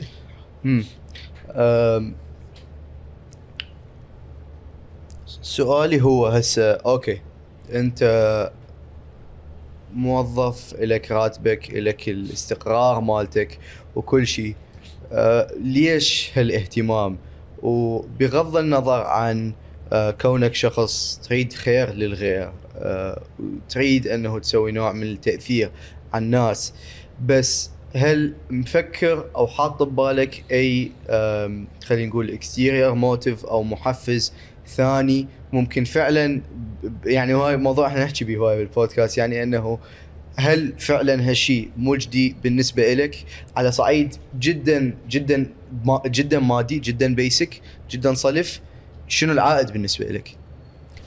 ال- العائد هو يعني أنا قلت لك لو أنت ما تفكر بعائد تفكر okay أنا عندي هذا الوقت الموجود بحياتي خليني أسوي بيه شيء يونسني اي هو- okay كلمة ونسه هنا أنا صعبة لأنه هي لو نجي للحقيقه الأمور بيها هوايه تعب صح و- بس أنت من مثلا اليوم أنت تشتغل على شيء وأقاطعك هواية أنا آسف. بس آه، مثل سفراء النظافة اليوم اللي هي مم. حملة تطوعية تنظفون بيها أماكن. آه، بغداد وبالمحافظات يعني دا أتخيل روحي بمكانك وأشوف كل ذول الناس يشتغلون على إنه ينظفون شغلات مثلا من نهر دجلة دوبامين ضربة هيجي زين إيه. فشي إحساس كلش زين بس هل اكو دافع منطقي أكثر من هذا؟ هو هذا هو يعني أنا اعتبر انه إحنا كل شيء نسويه له مردود من نفسنا ماكو واحد يسوي فد شيء بدون مردود مم. أنا بالنسبة لي المردود هو انه آه، دا اترك تأثير إيجابي يعني أنا أنا أقيس آه، أنا أقيس آه، ال- القيمة أكو مثلا الناس يقيسون قيمة الشغلة إنه إيش قد راتبها أو إيش قد راح تسوي لي ثروة مالية أو ثروة اجتماعية. ممكن أكو الثروة الاجتماعية صح اللي هي العلاقات وهاي الكونكشنز اللي تسويها. فأكو عدة أنواع من الثروات. فأني هواية من الأشياء اللي اسويها مردودها إلي هو هذا ال- اللي يعني صعب شلون شلون اشرحها بكلام. إنه اني أنا إذا عشت ومتت أريد حياتي تكون مم. إلها كان غرض. وغرض هو ما يكون إنه أنا جمعت هواية فلوس مم. أنا أكيد إنه أريد أعيش أريد يكون عندي فلوس حتى أسافر بيها مم. يعني أنا ما أقدر أقول لك أنا إنسان ما أحب الفلوس أو ما ما أفكر بالفلوس أكيد أفكر بالفلوس إلى حد معين مم. إذا قدرت أحقق هذا الحد المعين من الفلوس مم. اللي هو يطلعني احتياجاتي البسيطة وأنا احب يعني ما أحب يكون عندي سيارة آخر موديل وهاي إنه احتياجات البسيطة ال minimalist مم. آه وباقي الشيء اللي أسويه يكون. ب social value هو مم. هذا. آم، فهو هذا الج... هذا ال- الجائزة. هي اكو أكو شيء أناني. أكو دافع أناني. ماكو واحد يسوي شيء بدون دافع أناني. بس أنا الدافع الأناني إنه اني يجيني شعور حلو من أسوي أشياء آه، تفيد الناس. مم. أكو ناس يجيها شعور حلو من تحصل فلوس وهذا هو من حقهم. أنا بالنسبة لي إذا بس أجمع فلوس ما أحس بنفسي راضي. مم. أريد أسوي شيء بقيمة بفائدة للناس مم. اي هو أنا أنا يعني ما أدري ليش إنه يمكن هي يمكن هي لأنه فترة طويلة ما أعرف بس. أنا ما أدري ليش إنه الأشياء ال- ال- ال business ما اتحمس لها والله يعني فد شيء غريب إنه أي شيء يطلع إنه هذا business هذا نريد نسوي بيه فلوس ما يعني هيك شيء أنه أحس okay whatever يعني ما ما. أهتم. آه ما أعرف ليش. بس قول لي إنه مثلا نسوي فد شيء هذا non-profit هاي مدري شنو. اي يلا تعالوا.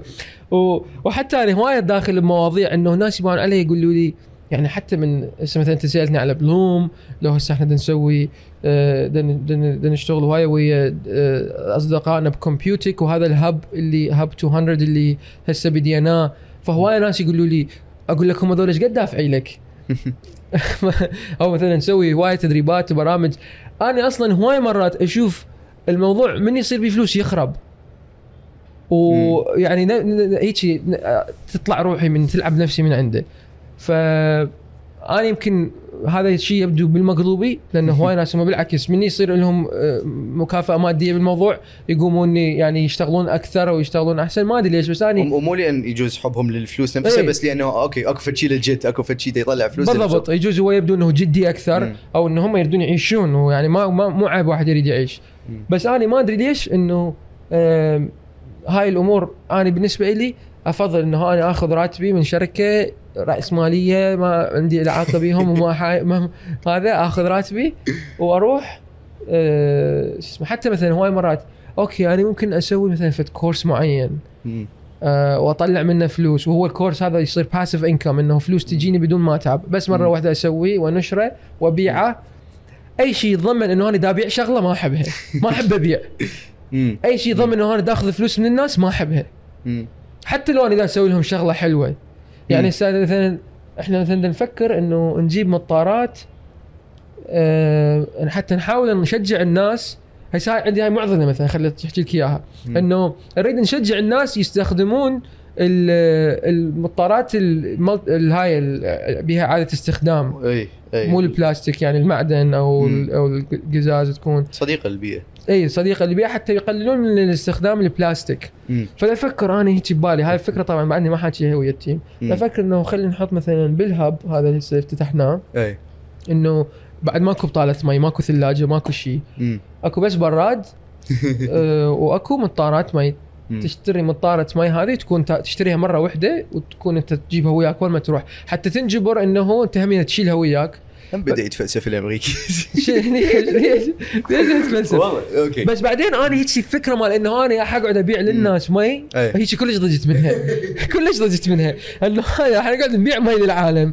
وحسيت هيك فد شيء حبيت خلاص ماكو. ننطيها ببلاش.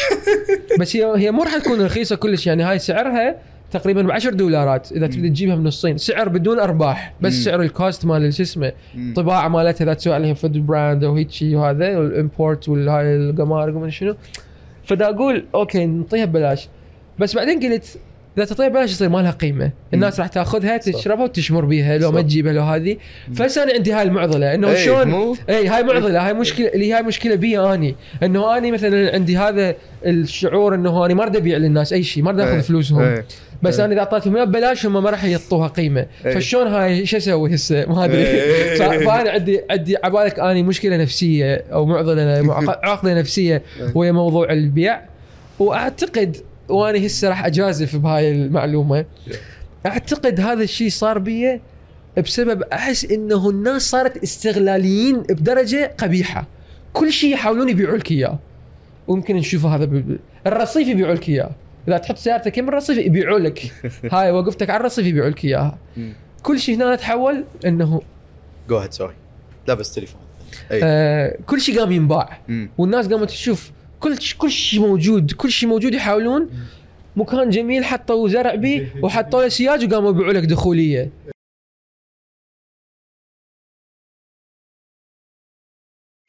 أنا هسه طلعت راتبي زين. فسؤالي هو يعني هل فعلا أنت تصرف منه شيء؟ لو تسوي هذا كله يعني مو كل شيء تصرفه هوايه منه. هو إحنا هاي النشاطات هي آه هي مو zero cost امم يعني هي إحنا مثلا هاي النشاطات اللي نسويها بها أنا أحب النشاطات اللي بها سفر يعني مم. الناس يسافرون امم لأنه هو أنا شفت السفر إيش قد له تأثير على حياتي مم. فأكثر نشاطات أني آه، أستمتع بيها مم. وأحس يعني آه، هاي fulfillment أو رضا أو هيك شعور بالقيمة إنه من ناس يجون خصوصا الناس اللي مو مسافرين بحياتهم إي. هذا أحلى شيء إي، صح. فمن سوينا هذا مثلا موضوع التحدي 29 يوم كانت إنه مئات الأشخاص شاركوا بي وهواي منهم استفادوا وهواي منهم يعني يكتبون لنا لحد الآن مثلا هو صار له سنة من صار يكتبون لنا إنه أنا بعدني مستمر وهاي دا أستفاد ولو مثلا هاي شغلة غيرت حياتي. بس دول الناس العشرة اللي هو, هو عادة هو شنو؟ إنه 30 يوم أو 29 يوم إحنا نسوي فد فد مهارات أو عادات معينة نلتزم بها ونختار ناس هم تفوقوا وتميزوا يجون سفرة مجانية هي تكون هاي ال- ال cost اللي هي تمويل ذاتي لهذا إنه بدون أنتم ما تدفعون أي شيء. آه، أو مثلا هم بس يشترون الفيزا مالتهم وإحنا نجيب التكاليف مال السفر مالتهم أو هذه. ف فتكون هي هاي أكثر شيء أحس بشعور حلو. فهاي هي بيها cost بس أكيد هي مو مثلا مئات الآلاف من الدولارات وهذه. حلو. وإحنا نسويها أكثر من مرة اثناء السنة ونجيب يعني ناس مختلفة وهيك شيء. فهاي بالنسبة لي بالنسبة لي هذا أفضل طريقة أصرف بها راتبي من صدق. يعني أنا مثلا من بين إنه أسافر لدولة جديدة لو أروح أشتري مثلا تليفون جديد لو شنو كلنا كذا نستمتع بها من تجيني حاجة جديدة حلوة. وشو ماعيه بعدها هاي شعور تفتح الشيء من مالت ال box وهاي حلو. بس أكثر شيء أني أكثر قيمة أحصلها من الفلوس هي من إنه تسوي هاي الأشياء للناس وبالمناسبه هذا من شيء للمستمعين مالتك اكو أكو تجربة سووها آه، طلاب سايكولوجي في مثلا الجامعة. حاولوا يشوفون. كانت هي السؤال can you buy happiness هل تقدر تشتري السعادة؟ وتبين اي تقدر تشتري السعادة، شلون تشتري السعادة؟ بتصرف فلوسك على غير ناس فراحوا سووا راحوا التقوا بناس مجموعتين من الأشخاص بالشارع هيجي يفترون عليهم يعطوهم مثلا 20 دولار. فمجموعة من الناس قالوا لهم هاك هاي 20 دولار روح اشتري بها شغلة لنفسك.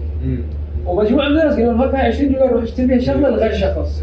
وبنهاية اليوم جابوهم ذول الناس وسووا لهم مجموعة أسئلة يقيمون سعادتهم أو شعورهم بالرضا. تبين ان الناس اللي اشتروا أشياء غير أشخاص هم كانوا سعيدين أكثر من الناس اللي اشتروا أشياء لنفسهم.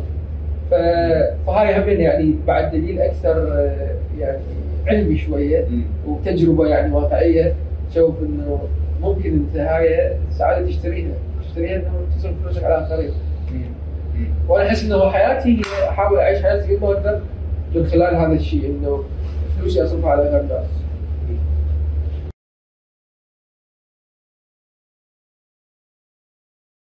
آه هو يمكن همينة أكو أكو فد قصة أنا أحاول بأغلب هاي السوالف. حتى إذا مثلا تباوع على ال TEDx talk اللي سويته ببغداد آه، السنة اللي فاتت أو بالمحتوى اللي نشره على ال social media أو حتى أصلا هسه إحنا اللي نحكي به يمكن أكو أكو إذا أكو فت شغلة واحدة آه، يعني أتمنى توصل للناس إنه المبادرة. ال- المبادرة بحل المشاكل. فإحنا هسه عايشين مجتمع مليان مشاكل و يعني منين ما تفتر تلقى مشكلة. مو مشكلة تلقى عشرات المشاكل. تباوع على الشوارع تلقى مشاكل تباوع على النقل تباوع على الصحة تباوع على البنى التحتية الكهرباء تباوع على التعليم تباوع على الأمور الاجتماعية. مشاكل آه، قيامة بكل بكل جهة. فاني أشوف المشاكل هي يعني هي هواي من المشاكل مشاكل مشاكل مشاكل. بس أنا أشوفها هي فرص. إنه وجود كل كل مشكلة هي تعطينا فرصة إنه نسوي فد شيء فهواي ناس مثلا يعني يقولوا لي أنت شلون مثلا هاي آه، سفراء النظافة تسويها؟ لو شلون هاي ما أدري شنو تسويها؟ لو شلون هاي سويت المناح لو شلون سويت التحدي 29 يوم؟ لو ما أدري شنو؟ لو ما أدري شنو؟ لو ما أدري شنو؟ هاي كلها هي أشياء هي مش- مشكلة. مشكلة تحولت إلى فرصة مشكلة تحولت إلى آه، حل. شلون نحلها؟ أكيد إحنا ما حليناها هي محاولة لحل المشكلة وجوز سوينا فد. شعراية من التغيير بيها بس محتاجين هواية شعرايات. محتاجين هواية ناس تحاول تسوي سفراء النظافة محتاجين هواية ناس تحاول تسوي مبادرات تعليمية وناس تسوي آه، نشاطات تخص كومة من ال- ال- الأشياء. ف الناس مثلا يتذمرون إنه المحتوى العراقي الفاشل الإنستغرام مليان مشاكل الإنستغرام مليان تنمر الإنستغرام مليان تفاهات. طيب صير أنت صير أنت واحد من المحتوى الهادف. افتح تليفونك افتح مايكروفونك واقعد احكي.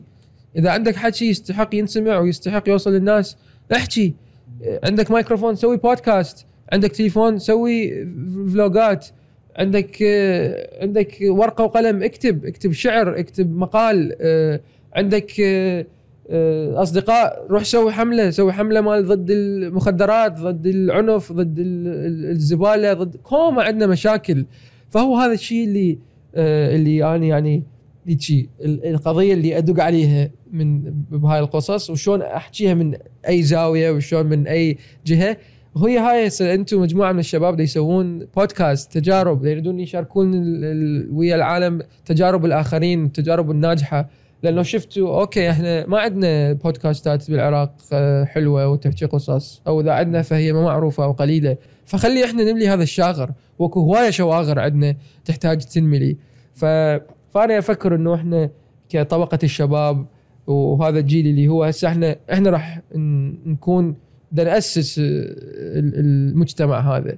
حتى لو هو الم- المجتمع متأسس متأسس بطريقة عوجة هوايه بها أشياء عوجة شلون نقومها ون- ونأسسها بطريقة صحيحة؟ لو الشيطان تعب مني هالقد ما دافعت عنه بس. أوف أوف. اذا اذا هسه أنت حكيتك حكيت هاي الحكاية إنه المجتمع هو إذا متأسس أعوج. أو السياسة اللي متاسسه اعوج أو الاقتصاد اللي متاسس اعوج هل نقدر نغير هالشغلات الكبيرة كشباب؟ موضوع السياسة يعني يمكن أنا مو كلش خبير به وما عندي ال- الدراسة والإلمام بالوضع السياسي هنا أنا حتى أقدر أعلق عليه هواية بس أنا يعني إذا نريد نسوي تغيير سياسي هاي قصة ثانية. شو نسوي؟ نسوي ثورة نسوي. نشارك بالانتخابات آه، نروح ندخل بالمؤسسات السياسية ونحاول نسوي تغيير من الداخل. نقدر إحنا نبدي نسوي تغيير بيها بدون ما نعتبر هي السياسة المشكلة. هي صحيح هي السياسة لها دخل ودور كبير بهواية من الفشل اللي نشوفه والمشاكل اللي نشوفها آه، بالبلد. بس أكو هواية. هسه هذا البودكاست هذا يصير بودكاست حلو ومفيد وناجح ما متأثر بالسياسة والس- والسياسة الفاشلة والفساد الموجود بالعراق ما مخلي هذا البودكاست ما يقدر يكون ما يقدر يصير. يجوز في يوم من الأيام البودكاست يصير ناجح كلش بحيث السياسة تجي تحاول. بس بعدنا وهسه اكو ناس راح تستفاد منها لحد ما نوصل لذيك المرحلة وإذا وصلنا لذيك المرحلة عود نفكر شلون نحلها. بس هسه كبداية ك نسوي نسوي مبادرة نسوي مشروع نسوي شركة نسوي مدري شنو.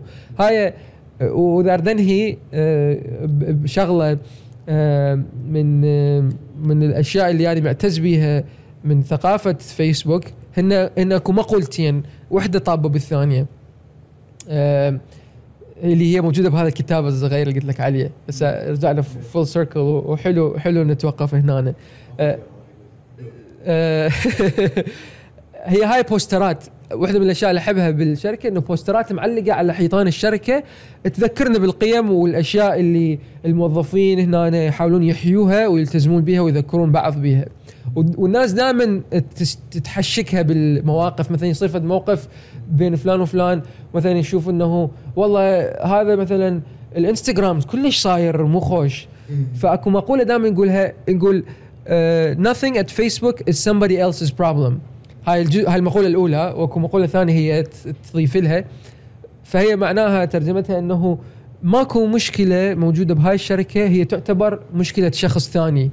إحنا إيش قد بالعراق نقول مو مشكلتي هاي؟ إيش قد نشوف الشوارع محفرة ونقول مو مشكلتي؟ إيش قد نشوف أكو ازدحامات ونقول مو مشكلتي؟ إيش قد نشوف أكو زبالة ونقول مو مشكلتي؟ إيش قد نشوف أكو تحرش نشوف أنت شنو؟ نشوف تعليم دا يفشل ونقول مو مشكلتي. هاي الحكومة لازم تحلها. فاشوف اذا إحنا نقدر نعيش بهذا المبدأ إنه nothing in this country is somebody else's problem. ماكو شيء بهذا البلد هو مو مشكلتي. كل مشكلة هي مشكلتي. وأني مسؤول عنها وأني أقدر أساهم بحلها آه، فهي مثلا من واحد موظف إنه يقول إنه والله هذا التطبيق اليوم فاشل التطبيق هذا خايس. فواحد يقول له ماكو مشكلة هنا هي مو مشكلتك. روح إذا ما عجبتك هاي الشغلة روح أنت حلها. روح شوف شوف القى حل ساهم بالحل احكي بيها. والمقوله الموازية لها هي تقول the best way to complain is to make things. هاي أنا همين أموت عليها. هي تكمل هذا الكلام يقول إنه أفضل طريقة للشكوى إنه أنت تصنع الأشياء. ف نريد نشتكي إحنا هنا الناس تعرف تشتكي كلش تعرف تشتكي زين. يشتكون من خلال الكلام والتذمر؟ والله هي الوضع مو زين هنا العراق تعبان ما أدري شنو هاي. ويطلع لك جريدة من الشكاوي. بس أنت شنو سويت على هاي الشكاوي؟ وهاي المقولة تقول إن أنت إذا تريد تشتكي أفضل طريقة فعالة تشتكي بها إنه أنت تصنع في الشيء. إذا لقيت إنه أنت أكو ازدحام يجوز يراد تبلط طريق تروح تصنع تبليط تصنع طريق جديد موازي تصنع طريق خدمي تصنع طريق سريع. يجوز أنت ما تقدر وحدك. شلون؟ ك... ك... مجموعة أفراد الناس يتجمعون ويلقون حلول. أ- أبلط الشارع منطقتنا تفيض يومية وطيانة وعندنا مشكلة بال... بالمجاري. نحفر مجاري نبلط الشارع. أوكي الفرد ما يقدر يجوز يبني جسور ويبني طريق سريع ويبني مدري شنو بس نقدر نسوي أشياء صغيرة. ما منو كان متخيل أكو ألف شخص ممكن يطلعون ينظفون ضفاف دجلة بيوم واحد؟ بس تبين انت اذا تطلع كفرد وتلم زبالة وتسوي فيديو عنها وتنشرها ممكن ورا كم كم أسبوع أكو آلاف الأشخاص راح يتأثرون ويسوون تغيير. ف فنصنع إحنا اذا نريد نشكي خلي نبطل نشكي بس بالكلام. مرات الكلام مهم. بس مو بس نتذمر نشكي يجوز إنه نشكي بالكلام من خلال نوصل صوتنا نوصل صوتنا من خلال تنظيم آه، ندوة تنظيم آه، فعالية تنظيم منصة تنظيم مدري شنو. فيحتاج نتكلم بالمشاكل بس هذا ما يكفي. فإحنا بدنا نصنع بدنا نصنع منصة حتى نحكي بهاي المشكلة بدنا نصنع آه، تجمع حتى نحكي بهاي المشكلة. مو بس بدنا نتذمر ونشكي. وصناعه الحلول هي هاي أنا أشوفها هي أفضل طريقة إنه نشتكي من المشاكل اللي نشوفها أمامنا. مرتضى انت فعلا بالنسبة لي من الناس المميزين بطريقة آه، خلينا نقول منبع آه، السعادة. بالنسبة آه، من دا نحكي وف- وفعلا أحسها بيك إنه تفرح من تسوي هذا التأثير. إيش قد ما كان صغير بس قد ما كان همينه personal وشخصي ومن إنسان إلى إنسان. جدا صعب انه واحد يأخذ القرارات اللي أخذتها وجدا مو إلا أقول جدا صعب بس صعب انه واحد يوصل للاماكن اللي انت وصلتها وهم يعني يفكر okay شلون أقدر ارجع وأشارك واخلق تأثير في البيئة اللي جيت منها. فشي كلش ملهم بيك وملهم لهوايه هواية من الناس اللي يشتغلون وياك على كافة مشاريعك اليوم سواء التك سواء اللي بسفراء النظافة وغيرها وغيرها. اللي نشوفه إن شاء الله تخلق تأثير أكبر وأكبر سوا ممنونك كلش على وقتك اليوم. ممنونك على تجاربك اللي شاركتنا اياها. شكرا. شكرا. أنا همي إن أنت تقول ملهم وتحكي عني كأنه اني ملهم. صراحة اني أنا أشوف ال- ال- الإلهام هو هذه القصص. يعني أنتم كشباب أنتم هذا شيء جدا ملهم. من أجي وأشارك بحملة تنظيف وأشوف الناس اللي تجي وعايفين راحتهم وعايفين شغلهم وعايفين وجايين دا يسوون خدمة هذا هذا الملهم. فأني أني إذا أبدو أني ملهم للآخرين فهو بالحقيقة هو الإلهام. أني استمده من الناس من قصصكم أنتم من الأشياء اللي أشوفها. وهو هذا اللي يعطيني أمل وهذا اللي يخليني يعني ما أستسلم تماما ب- باللي يصير هنا أعرف إنه هواي أشياء صعبة بس أشوف هواي أشياء جميلة تصير ملهمة وعندي أمل بها هواية إنه هي راح تكون جزء من المستقبل ال- الأحسن اللي ينتظرنا. فاني أشكركم لكم همينه مرتضى